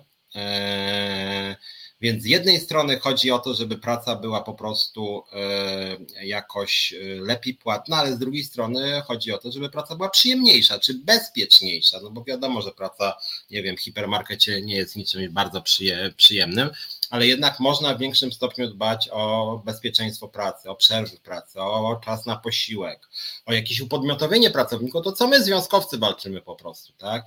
E, Bella Renta to w ogóle żenada, no zgoda niestety, tutaj jakiś głos się pojawił antyukraiński, no nie, Ukraińcy nie mają dobrych emerytur, to były w ogóle kompromitacja Konfederacji, która zaczęła mówić, jak to rozdaje się Ukraińcom polskie emerytury, nic się nie rozdaje, mamy umowę o wzajemnej współpracy i z tego systemu w Polsce korzysta kilkuset, kilkuset obywateli Ukrainy tylko. E, nie ma danych, ilu Polaków na Ukrainie korzysta, więc w ogóle są bajeczki. No, jeżeli mielibyśmy w tym kierunku iść, to, to Niemcy zrobiliby kampanię, jak Polacy z ich socjalu korzystają i zapewniam Was, korzystamy znacznie bardziej z socjalu niemieckiego niż Ukraińcy polskiego suma summarum. Zresztą Ukraińców też obecnie w Niemczech jest więcej niż w Polsce, już tak na marginesie, więc nie, jakby nie idźmy w tym kierunku nie sugerowałbym przynajmniej. Eee, renta chyba 1500, tak? Znaczy renta, tak, znaczy te najniższe renty, no to jest właśnie tego typu okolice i to jest naprawdę skandalicznie, kompromitująco e, niskie. E, e, ludzie by tego nie poli tak, skoro PiS obiecał niższy wiek emerytalny. Znaczy jedna uwaga polityczna może od razu, jak już mieliśmy trochę też o polityce rozmawiać. Nie podoba mi się to w politykach opozycji, czego nie można powiedzieć o PiSie i Konfederacji, że zawsze patrzą na sondaże. E, ja w ogóle jestem przeciwnikiem takiej polityki referendalnej, tak? Że, bo przez politykę referendalną mam na myśli to, że politycy patrzą na sondaże, czy sondażowej może bardziej, myślą, o kurde, Polacy to nie chcą, nie wiem, dajmy na to, małżeństw homoseksualnych, no to my nie będziemy tego popierać. To platforma od lat. Poczekamy, aż Polacy zaakceptują małżeństwa homoseksualne, to my wtedy je będziemy popierać, tak? Platforma mniej więcej myśli, nie? No, rzuciłem temat, bo tych tematów jest 500. E, czy w pewnym momencie tak Platforma mówi, no dobra, w sumie to byśmy podnieśli wiek emerytalny, ale dopiero wtedy, kiedy Polacy by to popierali. Oni tak mają. Moim zdaniem polityk z wizją może się mylę, sam nie jestem w parlamencie, więc może się mylę, ale moim zdaniem polityk z wizją to jest ktoś, kto stanowczo mówi, za czym jest i bierze za to odpowiedzialność. I w momencie, gdyby na przykład taka platforma, czy taki, taka lewica powiedziała, słuchajcie, jesteśmy za równym wiekiem emerytalnym kobiet i mężczyzn na poziomie 65 lat. I na starcie na przykład takie rozwiązanie popierałoby 12% ludzi, a na przykład 60 było przeciwko, tam reszta wstrzymywałaby się to gdyby ci politycy byli konsekwentni, powiedzieli, OK, na razie nie jesteście przekonani, ale my wam to wyjaśnimy, zrobimy kampanię i pokażemy wam, że to jest dobry pomysł. I później tłumaczą, że kobiety wchodzą na rynek pracy, że kobiety mają wyższe emerytury, że to jest element socjalizujący, że to jest zrównywanie kobiet i mężczyzn. I mogłoby się okazać, że przy dobrej kampanii po pół roku to rozwiązanie popiera już 64% Polaków i Polek. No i tak to działa po prostu. A nie, że robimy sondaże, o kurde, jeżeli Polacy tak teraz nie, to jednak nie można w to wejść. No, no, bo w konsekwencji to się rodzi no takie zupełna bezideowość. No. Więc, więc tu uważam, że potrzebne są też odważne pomysły. No my jako Związkowa Alternatywa na przykład często mówimy o 2,5 za pracę w niedzielę, każdą pracę, nie tylko w handlu, każdą niedzielę i ten bubel odnośnie pracy w niedzielę odrzucić. I to jest bardzo konkretne, odważne rozwiązanie, które rzeczywiście dużo zmienia. Bardzo dużo zmienia. Dla części przedsiębiorców jest niewygodne. Dla dużej części tych, którzy chcą otwierać placówki w niedzielę, mają mało kasy, jest niewygodne, bo ich nie będzie stać ale część instytucji, część jednostek, e, na przykład e, supermarketów będzie otwarta i sytuacja setek tysięcy pracowników się poprawi. I nie ma żadnej partii, która by w to weszła, bo to jest pewne ryzyko. Faktycznie, no to rozwiązanie komuś się nie podoba, komuś się nie podoba, no to trzeba się na to na coś zdecydować. Jeżeli stajemy po stronie ludzi pracy, no to moim zdaniem to jest dobre rozwiązanie, tak? Natomiast żadna z partii nie ryzykuje, bo uważa, no dobra, może kogoś zyskamy, ale kogoś jednak stracimy. W związku z tym nie warto takich kontrowersyjnych pomysłów przyjmować. I mi się u polityków strasznie nie podoba ten właśnie e, koniunkturalizm. Mm, I to mnie boli, bo ja takich propozycji mógłbym przedstawić 10, my na przykład jesteśmy za jawnością płac, tak? I pewnie nawet wśród Was jawność płac byłaby bardzo kontrowersyjnym rozwiązaniem. Ja jestem za jawnością płac w całej gospodarce. Ja mogę mówić Wam, ile zarabiam. Mówiłem już pięć razy chyba w tym programie. Jestem za tym. Ja jestem za jawnością, e, za jawnością mm, finansów wszystkich organizacji zaufania publicznego, począwszy od związków zawodowych, organizacji pracodawców, kościołów oczywiście, fundacji, stowarzyszeń i tak dalej. Ja Wam mogę na bieżąco, mówię to wszystkim moim związkowcom, jak się mnie pytają, ile mamy kasy na koncie, na co wydajemy tą kasę. Nie mam tu nic zupełnie do ukrycia i jestem przeciwny ukrywaniu. Czy to jest lewicowe, czy to jest prawicowe, czy to jest liberalne? Nie wiem. Chyba w poprzek to może trochę iść. A żadna partia tego nie popiera. A, I dlaczego nie popiera? Bo to jest konkret, w którym ktoś traci, ktoś zyskuje. W Polsce są ludzie, którzy mają sporo do ukrycia i nie życzą sobie tego typu rozwiązania. I Tusk, Czarzasty, Hołownia no kurde, no to no w sumie fajne, ale jeszcze wam wyjdzie, że 48% poprze, a 36% nie poprze. Ja mówię to, pomijając tak, że politycy powinni po prostu być wiarygodni i mówić to, co myślą, ale nawet w tych sondażach to nie jest tak, że jak w danym momencie 48% jest przeciwko, a 36% za, to znaczy, że tak już będzie na zawsze. Trzeba umieć przekonywać ludzi. Mi się może nie zawsze udaje, żeby było jasne. Ja nie, nie pojawiam się ostatnio w TVN czy Polsacie, ale, ale, ale oczekuję tego i od siebie, i od innych. Trzeba być wiarygodnym, po prostu, przekonywać do tego, a nie takie, no, no bo, bo, platforma tego jest i niestety lewica też się taka stała, no już nie mówiąc o PSL-u, że oni patrzą po prostu na słupki poparcia i kiedyś nawet razem miało te swoje 75% podatków. Wszyscy się z tego śmiali, ale to był jakiś pomysł, kontrowersyjny, odważny jakiś. Minęły dwa lata i teraz, no co, jesteście za tym, a nie, ale kiedy byśmy to mówili właściwie? No mówili to przez lata, nie? Kiedyś się to, no, no nie, no to może już nie, może bez przesady. I rozmyli się, stali się nudni po prostu. Biedroń, pamiętacie? E, jak Biedroń wchodził na scenę polityczną, co miał największe poparcie, to palną, że wszystkie kopalnie zlikwidować do 1935 roku. Wszystkie, ponieważ mówił Biedroń, on się na tym jakoś nawet bardzo nie zna, ale on uważa, że, że kopalnie niszczą środowisko. Zanieczyszczają powietrze, trzeba zamknąć wszystkie kopalnie zgadzać się, nie zgadzać, ale było to odważne. Był to jakiś kierunek. Idziemy w kierunku zdrowego powietrza, sorry, zamykamy kopalnie i zastanawiamy się na szybko, jak na przykład te kopalnie zmienić, żeby stworzyć nowe miejsca pracy. I on szedł przez chwilę w tym kierunku. I minął rok i ten sam Biedroń, nie, no w sumie pisma rację, może do 2090, a może do 2150. No bo wyszło w jakichś sondażach, że Anusz straci 3,8% głosów, a zdobędzie tylko 1,9%. No i tak niestety wygląda polska polityka i jak już o tym mówię, mm, trochę mam wrażenie, że taki był też pomysł Tuska na pana Kołodziejczaka, co mi się, muszę wam powiedzieć, zupełnie nie podoba. Mm, to znaczy zupełnie, ja to rozumiem, powiem tak, o tyle, że tu chce po prostu wygrać wybory. I wpuszcza na listy z lewa, z prawa, z środka i wybrał sobie akurat działacza który jeszcze chyba 2,5 roku temu robił sobie słodkie focie z Bąkiewiczem i wpłacał pieniądze na Marsz Niepodległości. To nie było 15 lat temu, tylko chyba 2,5-3. Mówił o tym, że trzeba zakazywać aborcji, że jest prawdziwym Polakiem katolikiem. Mm, mówił o tym, że skandalem jest piątka dla zwierząt, tak zwana Kaczyńskiego, którą sam PiS uwalił razem z Kołodziejczakiem, a postępowa opozycja popierała tą piątkę Kołodziejczak, który mówił Polska dla Polaków, polskie towary dla Polaków, won z brudami z zagranicy, precz z Unią Europejską, właściwie mógł się do PiSu zapisać. I teraz ten Kołodziejczak tu sobie pokombinował, że może by tak spróbować zabrać 4,3% wsi, odjąć 1,8% to będzie 2,5% do przodu. To chodź pan, panie Kołodziejczak, to 2,5 ugramy. No i z jednej strony ja to mogę zrozumieć, że chodzi o przegnanie PiSu, taki jest ich cel strategiczny, ale czy to nie jest trochę tak, że jak tak kombinujemy, jak przegnać ten PiS, to w końcu no dobra, ale jakie my właśnie mamy poglądy? To znaczy, że, że o co chodzi? Że taki kołodziejczak, który w sumie przybijał sobie piątkę z Bąkiewiczem, a w gruncie rzeczy się aż tak to bardzo od y, Kowalskiego Janusza, z którym się kłócił publicznie, e, że to się właściwie tak bardzo nie różni. No. Był blisko narodowców, razem dalej ma program 75%. Nie, nie ma. Nigdy już żaden poseł razem tego nie mówi. No ale wracając do Kołodziejczaka na chwilę, zaraz wrócę do tych waszych pytań, że dużo piszecie na forum, staram się odnosić do was. E, ale może powiem tak, że jak chodzi o tego kołodziejczaka, bo to sam kołodziejczak też jest tylko jakimś elementem tutaj układanki i tej bezideowości polskiej polityki. Ja przypominam, że Kołodziejczak rok temu romansował z Lewicą, ostatecznie coś tam nie pykło, z Ikonowiczem robił sobie jakieś słodkie fotki z Mają Staśko, ale coś tam z tym się chyba nie dogadał, w związku z tym poszedł do e, Kosiniaka Komysza, Kosiniak Kamysz go przytulił, ale Kwasiniak Kamer go przytulił, ale Hołownia powiedział w sumie to jednak nie.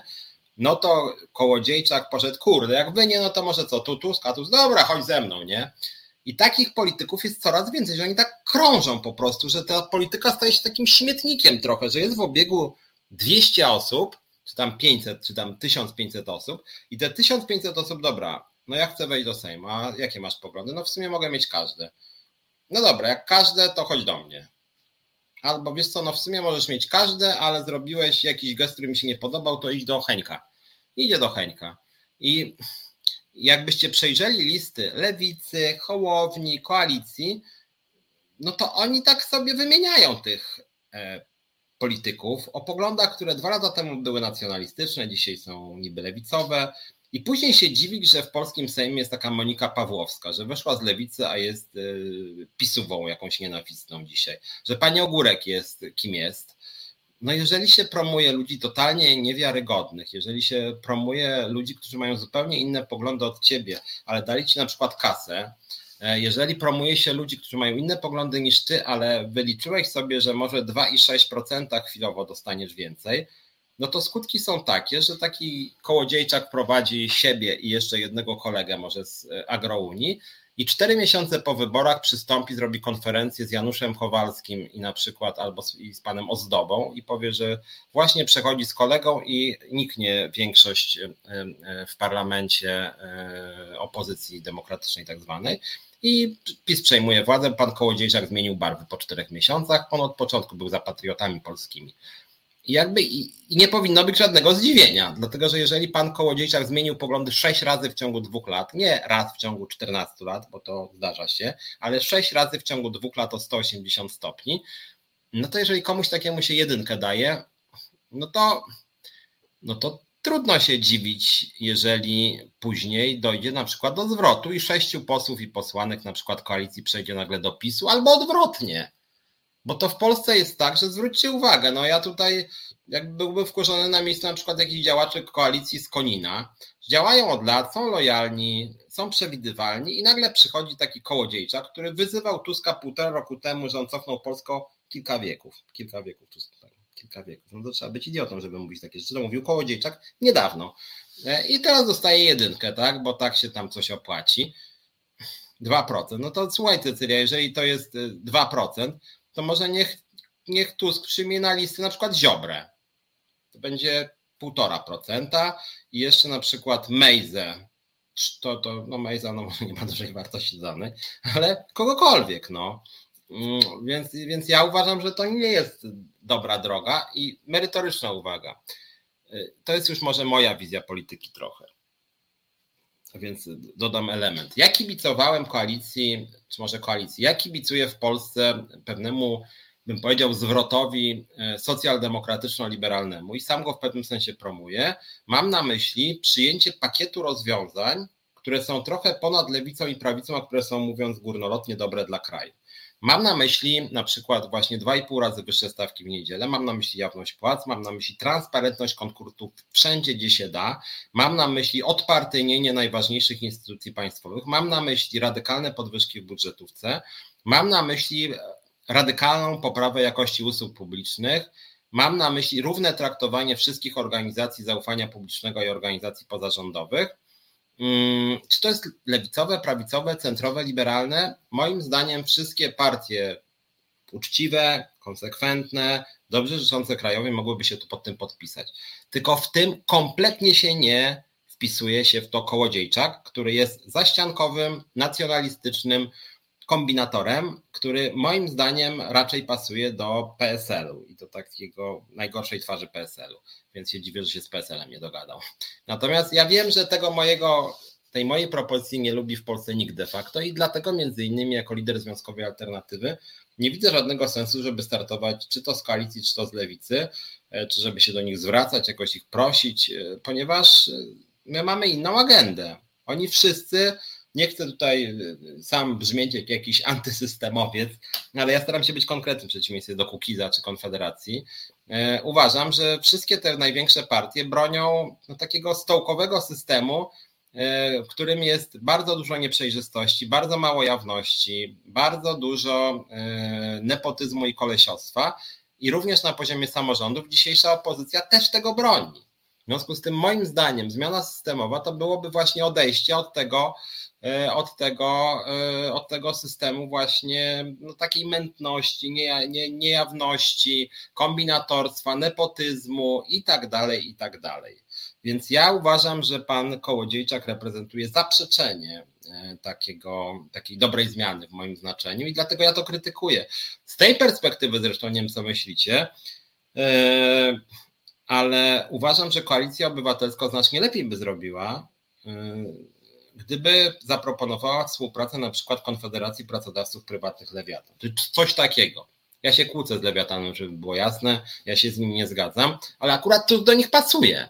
I mógłby zdobyć poparcie przedsiębiorców, jakby się dogadał z dużą organizacją przedsiębiorców i dał im cztery miejsca na liście, ponieważ stracił Tusk część wyborców wśród przedsiębiorców na rzecz Konfederacji. Gdyby wprowadził na listy przedstawicieli pracodawców, to moim zdaniem odzyskałby wiarygodność i być może zabrałby Konfederacji 2-3 punkty procentowe. Natomiast wprowadzanie na listy mętnego kombinatora, karierowicza w najgorszym tego słowa znaczeniu kołodziejczaka, moim zdaniem to bardziej psuje mu wizerunek niż, niż naprawia, tym bardziej, że realne poparcie Agrounia ma według sondaży między 0 i 1 bliżej zera. Więc nie wiem w ogóle skąd przekonanie, że Kołodziejczak mu przyciągnie jakoś tam wiejski elektorat, skoro on ma poparcie bardzo niskie wśród wiejskiego elektoratu. To jest, to jest drobny przedsiębiorca wiejski. Eee, ma rację Piotr Strychalski, że klientelizm i kolesiostwo od gminy się zaczyna i tak w górę prawie wszędzie, ludność narzeka i nic sama nie robi. No właśnie Piotrze, tylko to moje ekspoze polityczne, e, pytanie, czy warto, to też moje pytanie na dzisiaj, czy, czy jako związkowiec powinienem jakąś e, e, polityczną agendę budować i czy to ma sens na powodzenie.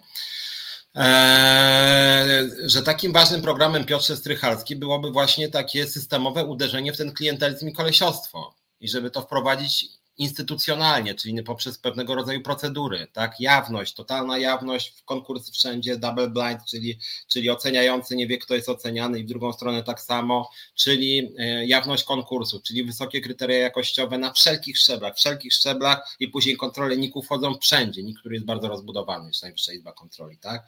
Eee, i, i, I wydaje mi się, że w tym kierunku też iść. No może w jakimś sondażu Agronia miała trzy, jest błąd statystyczny 3, więc jak oni mają w 10 sondażach 0, a w jednym 3, no to w tym jednym błąd statystyczny działa w drugą stronę. No. Ja pamiętam, jak pani jakaś ta Schreiber mówiła, że jej partia mam dość w jakimś sondażu miała 2,5. No to na tej samej zasadzie Agrounia ma 3. Nie? A mam dość tak na marginesie, w ogóle ta partia nie istnieje. E, więc e, tak na marginesie z perspektywy czasu, ja nie lubię, bo tu ktoś pisze, Bella pisze o leperze ja nie lubię Lepera, nie lubiłem go, tak, on nie żyje, no nie lubiłem Lepera, ale Leper w przeciwieństwie do Kołodziejczaka konsekwentnie budował oddolny ruch. To mu trzeba przyznać. Jak mi się ten ruch nie podobał, ja się z nim ideowo nie zgadzałem, był prymitywny dosyć i słaby ideowo, ale jednak był konsekwentny. Natomiast Kołodziejczak, który rok z kawałkiem temu mówił o tym, że Tusk cofnął o kilkaset Polskę lat wstecz i że jest szkodnikiem i bronił jakichś w ogóle koszmarnych poglądów w stylu Konfederacji, teraz nagle idzie z Tuskiem, no nie, no sorry, ale nie.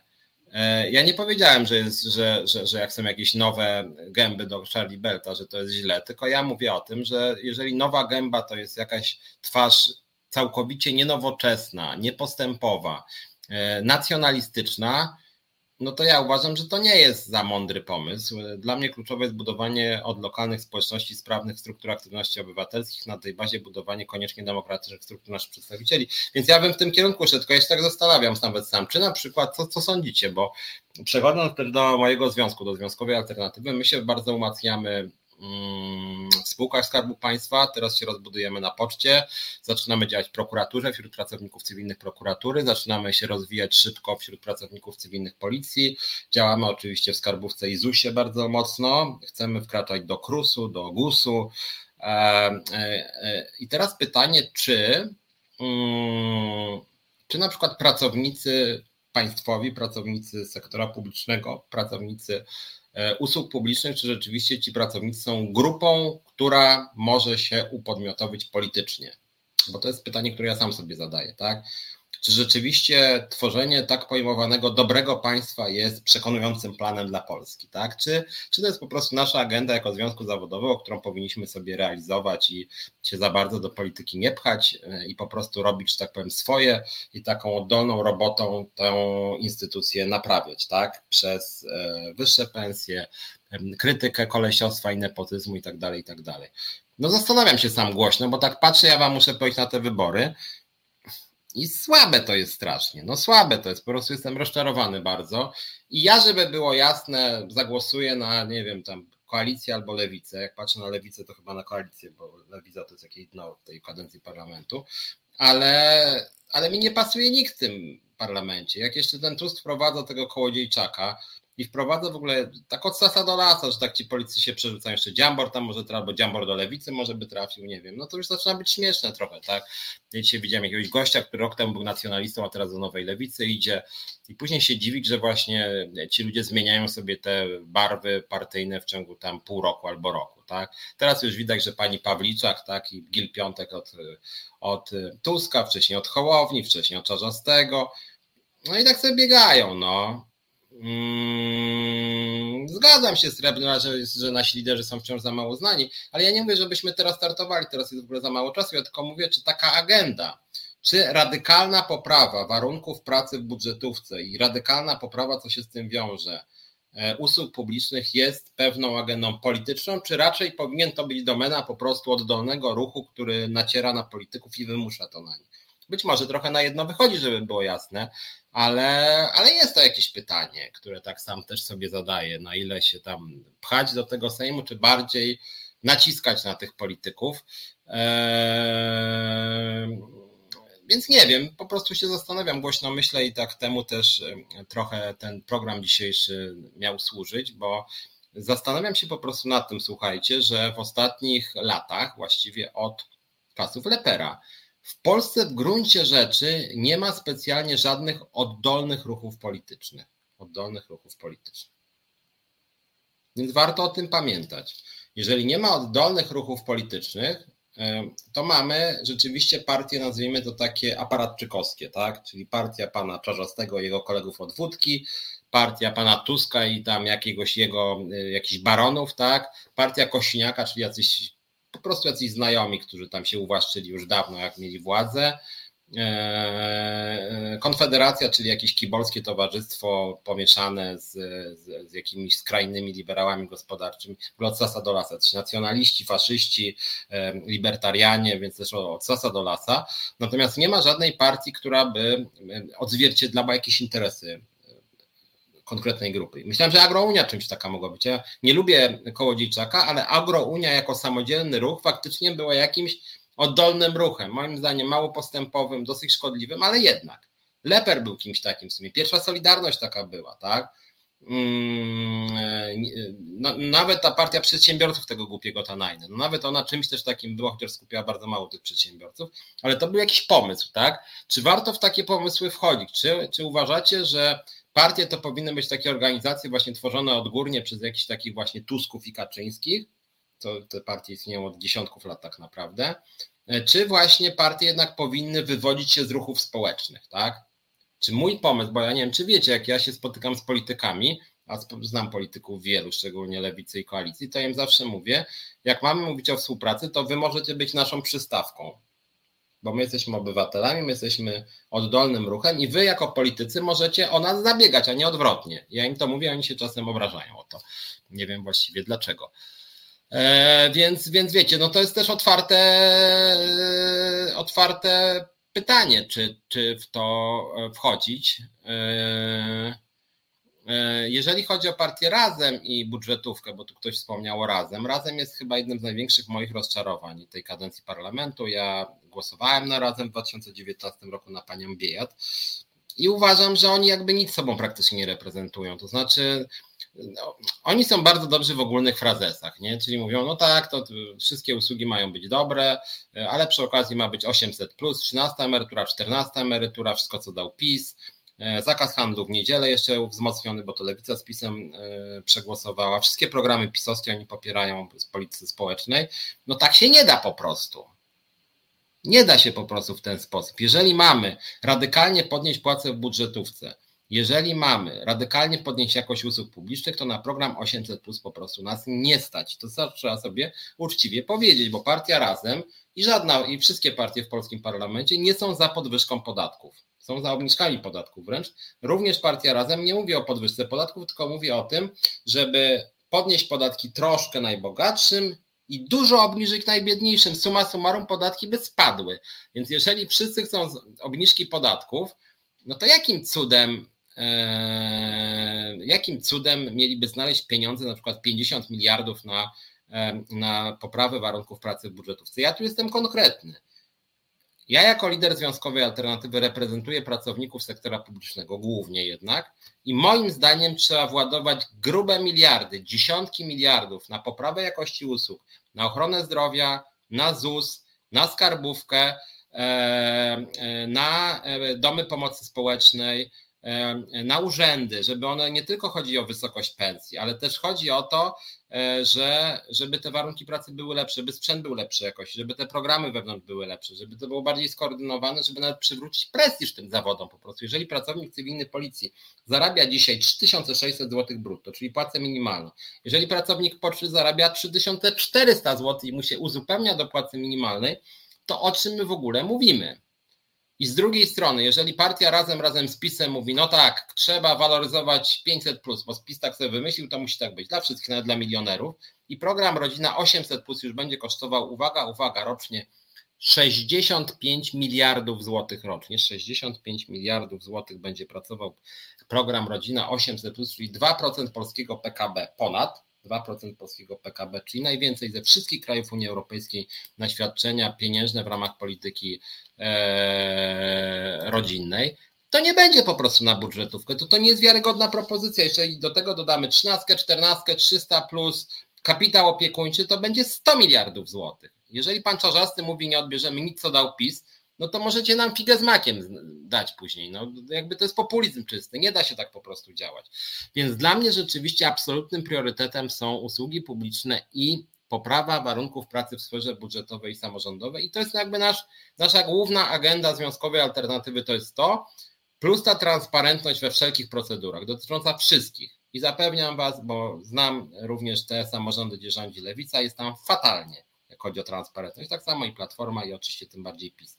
W związku z tym ten, ta nasza agenda jest rzeczywiście, bym powiedział, dosyć e, nietypowa, oryginalna i pod tym względem nie ma partii, która by wyrażała nasze interesy, bo to, że ktoś raz na trzy miesiące rzuci, dobra, chcemy podwyżki płac budżetów o 20%, to mówimy, no dobra, ale zaraz, skąd ty chcesz, komu chcesz to zabrać? Jaki jest twój, masz jakiś pomysł całościowy na tą poprawę funkcjonowania budżetówki, czy tak sobie machniesz raz na pół roku przed wyborami? I niestety tak partia Razem, jak i Donald Tusk tak sobie czasem rzucają tam, że 20%, zresztą i tak sobie rzucają 20% i w, w sytuacji, kiedy jak minie rok, to już właściwie 20% jest o tyle nieaktualne, że ceny wzrosły o 25%, więc warto o tym pamiętać.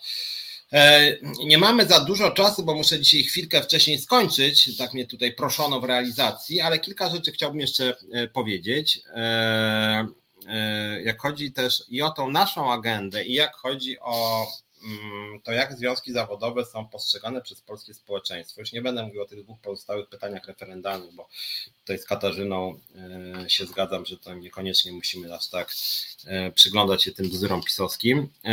Słuchajcie, przeglądałem sobie, mm, co Polacy sądzą dla, o związkach zawodowych. Bo to jest dla Was ważne. Jak chodzi też o referenda, czy pytania dla opinii publicznej, bo na przykład ja się oczywiście zacząłem zastanawiać nad tym, że właśnie to pytanie tutaj ktoś rzucał o CEPEK, ja bym spytał o te 2,5 za pracę w niedzielę, ja bym spytał o jawność płac na przykład, ja bym spytał o yy, podwyżki w budżetówce i w ogóle wydatki na sektor publiczny. E, i na przykład, ja, ja nawet nie mam nic przeciwko, żeby robić pogłębione badania, czy wolisz, żeby na przykład podnieść dla pensję w budżetówce, czy wolisz 800 e, plus dla wszystkich, tak? Bo polityka jest sztuką wyboru, nie można, że damy wszystkim, bo to jest populizm po prostu. Tak na marginesie kiedyś Wam mówiłem, były dwa czy trzy badania wśród Polaków i Polek, które programy można ciąć w największym stopniu, można na nich oszczędzać. Na co powinniśmy oszczędzać? To, to są bardzo ciekawe pytania. I co ciekawe, pamiętam, było jedno badanie, z którego wynikało, słuchajcie, że duża część Polaków i Polek uważa, że można oszczędzać na dwóch obszarach polityki wydatkowej, że tak powiem, państwa. I uwaga, uwaga. Pierwsze, oszczędności, jakby najwięcej miały te odpowiedzi. Pierwsze, żeby ograniczyć wydatki na kościół. Zresztą tutaj oczywiście jestem w pełni za, Kościół powinien być całkowicie, nie, nie tyle Kościół niezależny od państwa, co państwo niezależne od Kościoła, nie powinno być żadnych przepływów, tudzież Kościół po prostu powinien być traktowany jak każda inna organizacja pozarządowa, jak Związek Zawodowy, Związkowa Alternatywa, która od państwa nie dostaje e, nic. E, więc jedna sprawa to jest oszczędzamy na kościele i to powiedzmy kilka miliardów by było, chociaż bez przesady, że jakbyśmy oszczędzili na kościół, to od razu by się znalazły pieniądze na wszystko. Nie znalazłyby się pieniądze na wszystko, ale uwaga, uwaga, Polacy na pytanie, gdzie oszczędzać poza kościołem, mówią, duża część opinii publicznej, można oszczędzać, wtedy jeszcze było pytanie o 500 plus, na 500 plus. Na 500 plus oszczędzajmy pieniądze, mówi większość Polaków i co ciekawe, większość elektoratu koalicji i lewicy głównie. Koalicji i lewicy. Koalicji, która ustami Donalda Tuska mówiła, że wprowadźmy 800 plus jeszcze szybciej niż PiS by chciał, i lewicy, która pcha się do głosu, tam Marcelina Zawisza, Włodzimierz Czarzasty, wszyscy, Biedronie, my już, już, już 800 plus, już, szybko, tak? I to jest po prostu szokujące, że elektorat lewicy i koalicji jest mądrzejszy od ich liderów. Bo elektorat bardzo często mówi, dość już tego rozdawnictwa, my chcemy usług publicznych. My chcemy dobrze działającego państwa, więc więc warto by wrócić do takiego programu, że tak powiem, przyjazne państwo, jak to Palikot kiedyś mówił. Ja jestem związkowcem i, i też, i też zajmuję się tą problematyką. Uważam, że Palikot no za mądre to często nie było to, co on mówił. Niemniej jednak kierunkowo miał rację. Na przykład my jako związek mamy problem. Nie wiem, czy Wam się to zdarzało. Część z Was pewnie jest przedsiębiorcami, część działa w jakichś fundacjach czy stowarzyszeniach. Otóż słuchajcie, to, że po prostu przez dwa miesiące w Polsce organizacja pozarządowa, taka jak związek zawodowy, ale taka jak firma też. Tutaj na jednym wózku jedziemy z przedsiębiorcami. Często nie może przyklepać zmian w KRS-ie, bo siedzi po prostu jakiś tam sobie sędzia i mówi, a kurde, to jeszcze coś tam nie wiem. I jednak nie. I nawet nie, nie podaje dlaczego nie, tylko musisz po prostu od nowa składać papiery i możesz się z tym chrzanić przez pół roku. I tak jest rzeczywiście. I tutaj faktycznie i tu muszę powiedzieć tak na marginesie, KRS jest chyba jednym z najmniej przyjaznych urzędów w Polsce, znacznie mniej przyjazny niż ZUS czy Skarbówka, którą Polacy krytykują. A KRS naprawdę to źle działa. Nie ma systemu informacji, strasznie długo to trwa. Czepiają się jakiś pierdół za przeproszeniem. Jeden sędzia się czepnie, drugi się nie czepnie. Więc pod tym względem nawet tutaj można byłoby, że tak powiem, dogadać się z przedsiębiorcami, środowiska związkowe, czy stowarzyszenia, czy fundacji. Więc warto, warto o tym pamiętać. Ale wracając do tego, do tych związków zawodowych, bo ja jako lider związkowy czasem się zastanawiam, czy rzeczywiście Polacy i Polki mogą w nas uwierzyć też. Takie sobie zadaję czasem pytanie. Na masową skalę, już niezależnie od tego, czy my pójdziemy do polityki, czy my będziemy oddolnie zmieniać Polskę, to co Polacy o nas myślą i Polki i co ewentualnie zrobić, żeby nas lepiej postrzegano. E, I słuchajcie, e, sięgnąłem do takiego sondażu, który był robiony rok temu mniej więcej, z tego co widziałem na stronie Cebosu. E, I kilka pytań tam zadano, ciekawych, więc ciekaw jestem też, co o tym sądzicie. Czy działalność związków zawodowych jest korzystna dla kraju? I słuchajcie, okazuje się, że większość uważa, że tak że jest sporo stereotypów antyzwiązkowych, ale jednak większość uważa, że tak, e, czy większość, większość e, dużo więcej jest na tak niż na nie, bo 46% uważa, że mm, jest korzystna dla kraju działalność związków, a tylko 18% uważa, że jest niekorzystna, co ciekawe. W związku z tym jest duża przewaga tych, którzy pozytywnie oceniają związki i negatyw, w stosunku do tych, którzy negatywnie. E, jest tam podział ze względu na preferencje polityczne i tu jest pewnego rodzaju mm, smutna sprawa. Mianowicie najwięcej głosów pozytywnie oceniających związki zawodowe jest jednak w PiSie, co oznacza niestety, że związki zawodowe w dużej mierze Polakom się kojarzą z Solidarnością. Co dla nas jako związkowej alternatywy jest wyzwaniem, żeby związki zawodowe kojarzyły się znacznie bardziej oczywiście z nami niż z Solidarnością. Tak więc naszym Wyzwaniem moim wyzwaniem jako lidera związku jest to, żeby radykalnie zmienić ten wizerunek związków zawodowych, że nie jest to tylko solidarność, ale są też związki postępowe. Ale ogólnie rzecz biorąc, Polacy e, jakoś tam mm, dość sympaty, sympatią, e, sympatią oceniają związki zawodowe. E, drugie pytanie było, czy związki zawodowe skutecznie bronią interesów pracowniczych. Mm, i tutaj e, większość uważa, że przeważa opinia, że e, nie bronią skutecznie interesów pracowniczych. 32% uważa, że bronią skutecznie, 37% że nie bronią skutecznie. Ale co ciekawe, przeważa opinia, że związki zawodowe mają zbyt mały wpływ na decyzje władz. I tak a propos mojego pytania, jak zająłem ten program, czy związki zawodowe powinny mieć wpływ na władzę? Większość Polaków, czy przynajmniej przeważa opinia, że związki zawodowe powinny mieć dużo większy wpływ niż mają na decyzje władz. Tak uważa około 40% Polaków i Polek. E, przeciwnego zdania jest. E, że mają zbyt mały wpływ na decyzje władz, tak uważa tylko 9% wyborców. To jest ciekawe, prawda? 39 uważa, że jest za mały ten wpływ, 9, że jest za duży, reszta nie ma sprecyzowanego zdania, czyli około 40% Polaków i Polek uważa, że związki zawodowe powinny mieć większy wpływ na rzeczywistość społeczną, więc, więc to jest dosyć rzeczywiście ciekawe i to we wszystkich elektoratach wszystkich partii. Eee, więc warto, warto o tym pamiętać. W kontekście naszych pytań referendalnych, wracam do początku programu, zacząłem tak się zastanawiać, co w ogóle Polacy sądzą na temat yy, ochrony liderów związkowych. Tomasz Szynrelewicz, czyli Solidarność jest kochana za szyld. Znaczy wiesz Tomasz, to jest właśnie pytanie, czy Polacy pozytywnie w miarę oceniają związki, y, dlatego że kojarzą z Solidarnością, czy jednak uważają, że związki są potrzebne i warto by je, by je wzmacniać? Bo ja powiedziałem, że elektorat PiSu naj, najbardziej je, e, najbardziej związki docenia, ale we wszystkich elektoratach partyjnych przeważa pewnego rodzaju sympatia dla związków zawodowych, która być może zrodzona jest z tej pierwszej Solidarności. E, I chodzi mi o to, że być może to jest też dla nas jako związkowej alternatywy pewnego rodzaju szansa, że przy wszystkich stereotypach, przy wszystkich przekrętach tych aparatczyków e, związkowych na dole, mimo wszystko jest jakiś powiedzmy pozytywny punkt wyjścia, że jest jakaś szansa. Rację ma srebrny art, mają związki za mały wpływ na władzę, ale jak trzeba zrobić protest, to już nie ma komu. No niestety trochę tak. Eee, zgadzam się, ja sam zachęcam ludzi i zachęcam do protestów, więc E, więc e, tutaj coś, przepraszam Was, piszę, bo też zachęcam do tego, żebyście oczywiście wspierali nasz związek, bo robimy taką zrzutkę na protesty wrześniowe. Już niedługo, już niedługo Ilona Garczyńska się u mnie pojawi i, i zapowiemy bardzo konkretną akcję protestacyjną w ZUS-ie i mam nadzieję, że do tej akcji dołączą też pracownicy między innymi poczty, między innymi pracowników cywilnych e, policji, skarbówki czy domów pomocy społecznej.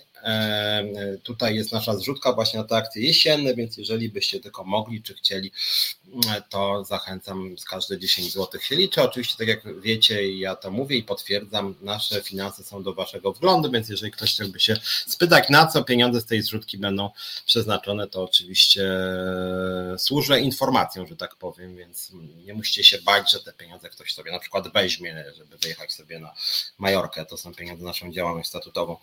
Eee, Problemem związków zawodowych, jak już o nich mówię, zacząłem ten program od, od, od tak zwanej ochrony związkowej i przyznam Wam szczerze, że im dłużej działam w tych związkach zawodowych, tym bardziej się waham, czy jestem w ogóle za tą ochroną związkową, bo pewnie większość z Was w ogóle nie wie, co to jest ochrona związkowa i większość z Was na rynku pracy z czymś takim się nie spotkała.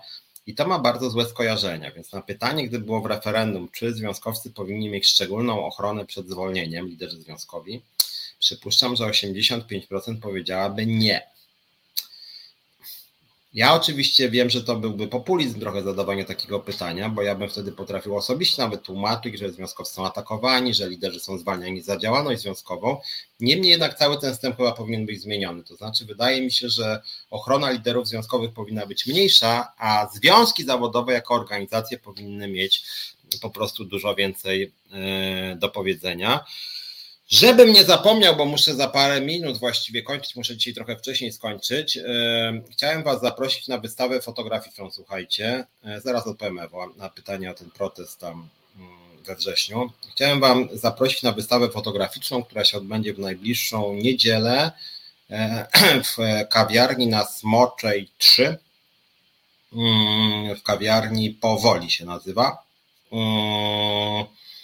E, więc e, robimy o godzinie 17 w powoli. Tam będą zdjęcia pierwszej Solidarności, będą zdjęcia ze strajku w locie. Ja będę otwierał tą wystawę. Wahaliśmy się, czy, e, czy, czy, czy dawać zdjęcia pierwszej Solidarności, która była mimo wszystko dość konserwatywna, ale pomyśleliśmy sobie, ja będę o tym mówił na tym wernisażu, który jest wolny, wstęp wolny jest, więc o 17 w najbliższą niedzielę w Kafe Powoli na Smoczej 3. To jest na naszej stronie Związkowej Alternatywy, też na Facebooku, również będzie na naszej stronie. E, I tak zacząłem się zastanawiać, e, że, e, bo tam będą też nasze zdjęcia i filmy ze strajku w locie z 2018 roku. Niedługo będzie rocznica piąta i będzie trochę o związkowej alternatywie dzisiaj po prostu, bo myślę, że to, tym, co łączy pierwszą Solidarność i związkową alternatywę, jest to, że mm, obydwa te ruchy domagają się, Solidarność się domagała, my się domagamy przestrzegania artykułu pierwszego, obecnego artykułu pierwszego ustawy o związkach zawodowych, czyli niezależności związków zawodowych od władzy, władzy państwowej, władzy samorządowej od pracodawców. Jak może ktoś pamięta, te osoby starsze, a osoby młodsze może coś o tym przeczytały, jednym z głównych, a właściwie głównym postulatem pierwszej Solidarności na samym początku była, było uznanie w ogóle niezależności Solidarności, niezależności związków zawodowych niezależnych od władzy. Tak? O to w tym ruchu Solidarności na początku chodziło, żeby władza uznała ich jako niezależne związki zawodowe, niezależne od władzy, niezależne od partii, po prostu samorządne, tak, tak się też nazwała ta Solidarność, niezależne samorządy, Związek Zawodowy Solidarność. Czy będzie w innych miastach Srebrny Art? Wiesz co, rozmawiamy też o tym. Ja oczywiście będę wysyłał sygnały, dyskutujemy o tym. Na razie w Warszawie będzie 3-4 tygodnie, tam będzie ten fotograf się nazywa e, pan Stanisław Składanowski, to jest jeden z bardziej znanych fotografów pierwszej Solidarności, a po stronie tej lotowskiej będzie nasza działaczka, członkini naszego zarządu centralnego Agnieszka Kiela, która też jest w zarządzie Związku Zawodowego Personelu Pokładowego i Lotniczego, który również u nas jest, a ona jest w zarządzie Związkowej Alternatywy. I w tym kafe powoli to będzie właśnie w, w niedzielę o 17 taki wernisaż. Ja powiem kilka słów wprowadzenia, pewnie ktoś z lotu też powie fotograf, powie pan Składanowski. E, i później ta wystawa będzie trzy tygodnie w Warszawie. I później przypuszczam, że będzie też w innych miastach, jeżeli ona będzie razem też z nami, to oczywiście chętnie, e, chętnie dam Ci srebrny art znać na ten temat, bo moim zdaniem to jest bardzo ciekawe. Tam będą też filmy na przykład e, z czasów e, strajków PLL LOT. Było pytanie, słuchajcie, odnośnie 15 września. Ewa Cichowska pyta, czy weźmiemy udział. Znaczy, Pani Ewo, mamy problem z tego względu, że o proteście 15 września dowiedzieliśmy się trochę z plotek i nawet e, Ilona Garczyńska mnie prosiła, żebym napisał do liderów e, OPZZ-u Solidarności i Forum w ZUS-ie, czy oni na serio coś robią, czy udają, bo bo ponoć przynajmniej w ZUS-ie jest tak, że oni robią wszystko, żeby utajnić tą swoją demonstrację. Nawet zaprosiłem ich, żeby może przyjść do resetu, coś o tym opowiedzieli, nikt się nie odezwał, nie chciał. Mm, więc ja nie, nie, nie wiem, czy to nie są jakieś pozorowane działania, dlatego że w instytucjach państwowych szczególnie e, Solidarność i OPZZ i Forum no, bardziej kontestują protesty niż biorą w nich udział. Jeżeli coś się będzie działo, być może weźmiemy udział, my sami planujemy e, e, demonstracje, pikiety, ale przede wszystkim akcje strajkowe, referenda strajkowe i później strajki, to, to naszym zdaniem są działania znacznie skuteczniejsze niż jednorazowe pikiety, ale też jakby nie, mamy problemu z tym, żeby chodzić na demonstracje czy pikiety z innymi związkami zawodowymi, chociaż te związki, szczególnie w ZUS-ie, no są no wybitnie antypracownicze i szczególnie nas po prostu zwalczają w sojuszu z e, pracodawcami. Więc o tym warto pamiętać. E, w kontekście dzisiaj mamy, którego mamy 16 sierpnia, wczoraj był 15 sierpnia, wczoraj było święto, więc ja tylko przypomnę, I też jakby pytam Was o Waszą opinię i piszcie, naprawdę piszcie czasem na nasze biuro małpa.za.org.pl, e, bo też szukam Waszych opinii. Tutaj piszcie i możecie pisać po przemyśleniu na adres związku. E, wczoraj było święto i my co przy każdym święcie, praktycznie przy każdej niedzieli przypominamy o naszym postulacie 2,5 razy wyższych stawek za pracę w niedzielę i święta właśnie. Eee, więc, e, więc my mamy tą propozycję i rozważamy i zastanówcie się, czy chcielibyście, żebyśmy to zrobili, czy chcielibyście wziąć udział, czy moglibyście się przyłączyć. Rozważamy zbieranie podpisów, żeby zebrać 100 tysięcy podpisów pod inicjatywą obywatelską 2,5 razy wyższych stawek za pracę w niedzielę we wszystkich branżach, w całej gospodarce. Po prostu każdy, kto pracuje w niedzielę, miałby dostawać 2,5 razy wyższe stawki niż za pracę w dzień powszedni. Płaca minimalna to byłaby płaca minimalna godzinowa razy 2,5, tudzież płaca minimalna która by wynikała e, z, z pracy na etat e, e, godzinowej razy 2,5. Tak, tak na marginesie, jak już mówimy o 2,5, jak już mówimy o płacach minimalnych, to nie wiem, czy wiecie, cały, ja cały czas czekam, aż Państwowa Inspekcja Pracy prześle mi wyniki kontroli w kancelarii Mencen, bo oni mi najpierw napisali, że nie wykazali nieprawidłowości, więc ja ich poprosiłem o protokół z kontroli, żebym wiedział, no bo jeżeli nie wykazali, to jest pytanie, czy to, co ja pokazałem, to oni się ze mną nie zgodzili, czy po prostu pan Mencen lepiej płacił pracownikom niż to było zawarte w ogłoszeniu, więc wtedy by wyszło, że nie łamał prawa, tylko po prostu, e, czy tylko po prostu e, e, dawał więcej niż było w jego ogłoszeniach. E, no w każdym razie na razie nie ma odpowiedzi z Państwowej Inspekcji Pracy, ale słuchajcie, pan Mencen swoje ogłoszenia zmodyfikował i jednak teraz proponuje tyle, ile myśmy mu sugerowali. Podniósł o kilkaset złotych, czyli się okazało, że nawet takiego Mencena można czegoś nauczyć e, i się czegoś tam przestraszył, że może jednak z tym prawem bywało różnie. Czy łączyć to ze zniesieniem handlu w niedzielę Srebrny Art pyta? Mm, to jest trochę inna ustawa, bo, e, bo nam chodzi o rozwiązania w całej gospodarce, natomiast jak mam być szczery, uważam, że mm, ja bym zniósł ten zakaz handlu w niedzielę. Znaczy, przede wszystkim w Polsce nie ma zakazu handlu w niedzielę. Eee, w związku z tym e, jest zakaz handlu wyłącznie w hipermarketach i w galeriach handlowych, gdzie akurat warunki pracy są najlepsze. Są słabe, ale są dużo lepsze niż w małych sklepach i dyskontach, które są wszystkie otwarte dokładnie. Więc moim zdaniem warto wprowadzić zasadę, że sklep może być otwarty, o ile płaci 2,5 razy więcej pracownikom. Zapewniam Cię, Srebrny Art, większość małych sklepów by nie była otwarta, by nie chciała płacić 2,5 razy więcej, natomiast byłyby otwarte akurat te sklepy, które dzisiaj są zamknięte, te, które byłyby skłonne płacić dużo lepiej pracownikom, a akurat galerie handlowe, hipermarkety, moim zdaniem duża ich część płaciłaby te 2,5 czy nawet dwa, jakbyśmy się dogadali z pracodawcami. Więc moim zdaniem to jest dobre rozwiązanie dla gospodarki, ale ono jest też dobre dla handlu. Bo nie widzę logiki w tym, że dzisiaj mamy jakiś dziwny zakaz, który nie dotyczy 70% sklepów. To jest jakiś kompletny idiotyzm po prostu. E, więc e, czy ludzie są przeciwni? Były badania Srebrny Art odnośnie, e, odnośnie zakazu handlu w niedzielę wersji Solidarności, ta, która obowiązuje i większość coraz więcej jest przeciwna temu rozwiązaniu, większość jest za otwarciem sklepów w niedzielę.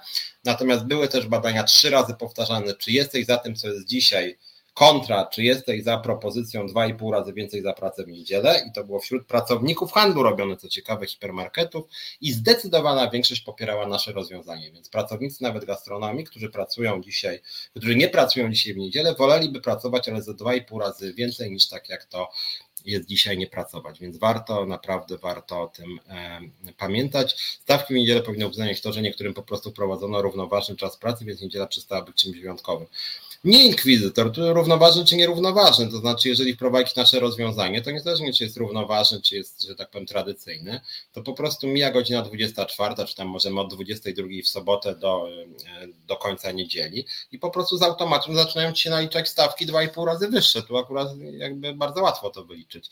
E, Ewa Cichocka pisała o tym, że to jest e, protest wymiaru sprawiedliwości, że nie jest nagłośniony. Znaczy wiesz Ewa, no ja sugeruję, że sami ci, którzy organizują nie chcą tego nagłaśniać, takie mamy wrażenie. E, a, a gdzie ty pracujesz w urzędzie? Bo piszesz, że, że, że od stycznia 3 czwarte będzie zarabiał płacę minimalną dramat. Znaczy to my, ja, bo ja serdecznie ciebie zapraszam w nasze szeregi, możesz do mnie po programie napisać na można mojego maila szymlewicz.małpa.za.org.pl E, albo biuromałpa.za.org.pl, czy do mnie na Facebooka, czy do związku jako na Facebooka, więc zapraszamy w nasze szeregi, napisz o swojej sytuacji. No my chcemy, chcemy ostro działać, tak? E, jakby od jednej pikiety nic się nie zmieni, natomiast od sporu zbiorowego, który będzie groził strajkiem, już się może dużo więcej zmienić, więc ja nie mam nic przeciwko demonstracji. Jak będą takowe i będą na serio robione, to my możemy wziąć udział, będziemy pewnie też własne robić, ale kluczowe to są spory zbiorowe i później referenda strajkowe i po prostu strajk. To jest najlepsza metoda walki z antypracowniczą władzą, czy pisowską, czy jakąkolwiek e, inną. Warto o tym, e, warto o tym pamiętać. E, cóż jeszcze chciałem tutaj powiedzieć? Cały czas przypominam, jeżeli oglądają nas teraz lektorzy języków obcych, rozwijamy się wśród pracowników, wśród lektorów języków obcych, którzy są zatrudnieni na umowach śmieciowych, pracują dla inkubatorów, a nie dla szkół języków obcych i te inkubatory oferują im umowy o dzieło często, y, a dają im umowę o dzieło, ponieważ szkoły języków obcych nie mogą dawać umów o dzieło, tylko zlecenia albo etaty i w ten sposób po prostu omija przepisy, dlatego że ci lektorzy dla inkubatorów przekazują grafiki dotyczące lekcji, a za same lekcje nie dostają pieniędzy. Tak porypany system, że po prostu się w sumie e, w głowie e, nie mieści. Dobra, słuchajcie, muszę, muszę kończyć powoli. Obiecałem, że o godzinie 18.50 zakończę dzisiejszy program. Tam jest przygotowanie do kolejnego programu, który trochę tam wymaga jakiejś technicznej, że tak powiem, próby i dlatego dzisiaj troszkę wcześniej kończę. Widzę, że się zrobiło w międzyczasie trochę ciemniej, to znaczy słońce już tak bardzo nie uderza, chociaż chyba jest cały czas gorąco, ale Przypominam, uważajcie w pracy, e, upały są, bywają niebezpieczne, jak naprawdę czujecie się słabo, jak temperatura u Was w pracy e, przekracza 30 stopni, e, czy nawet 28, to mówcie o tym pracodawcy.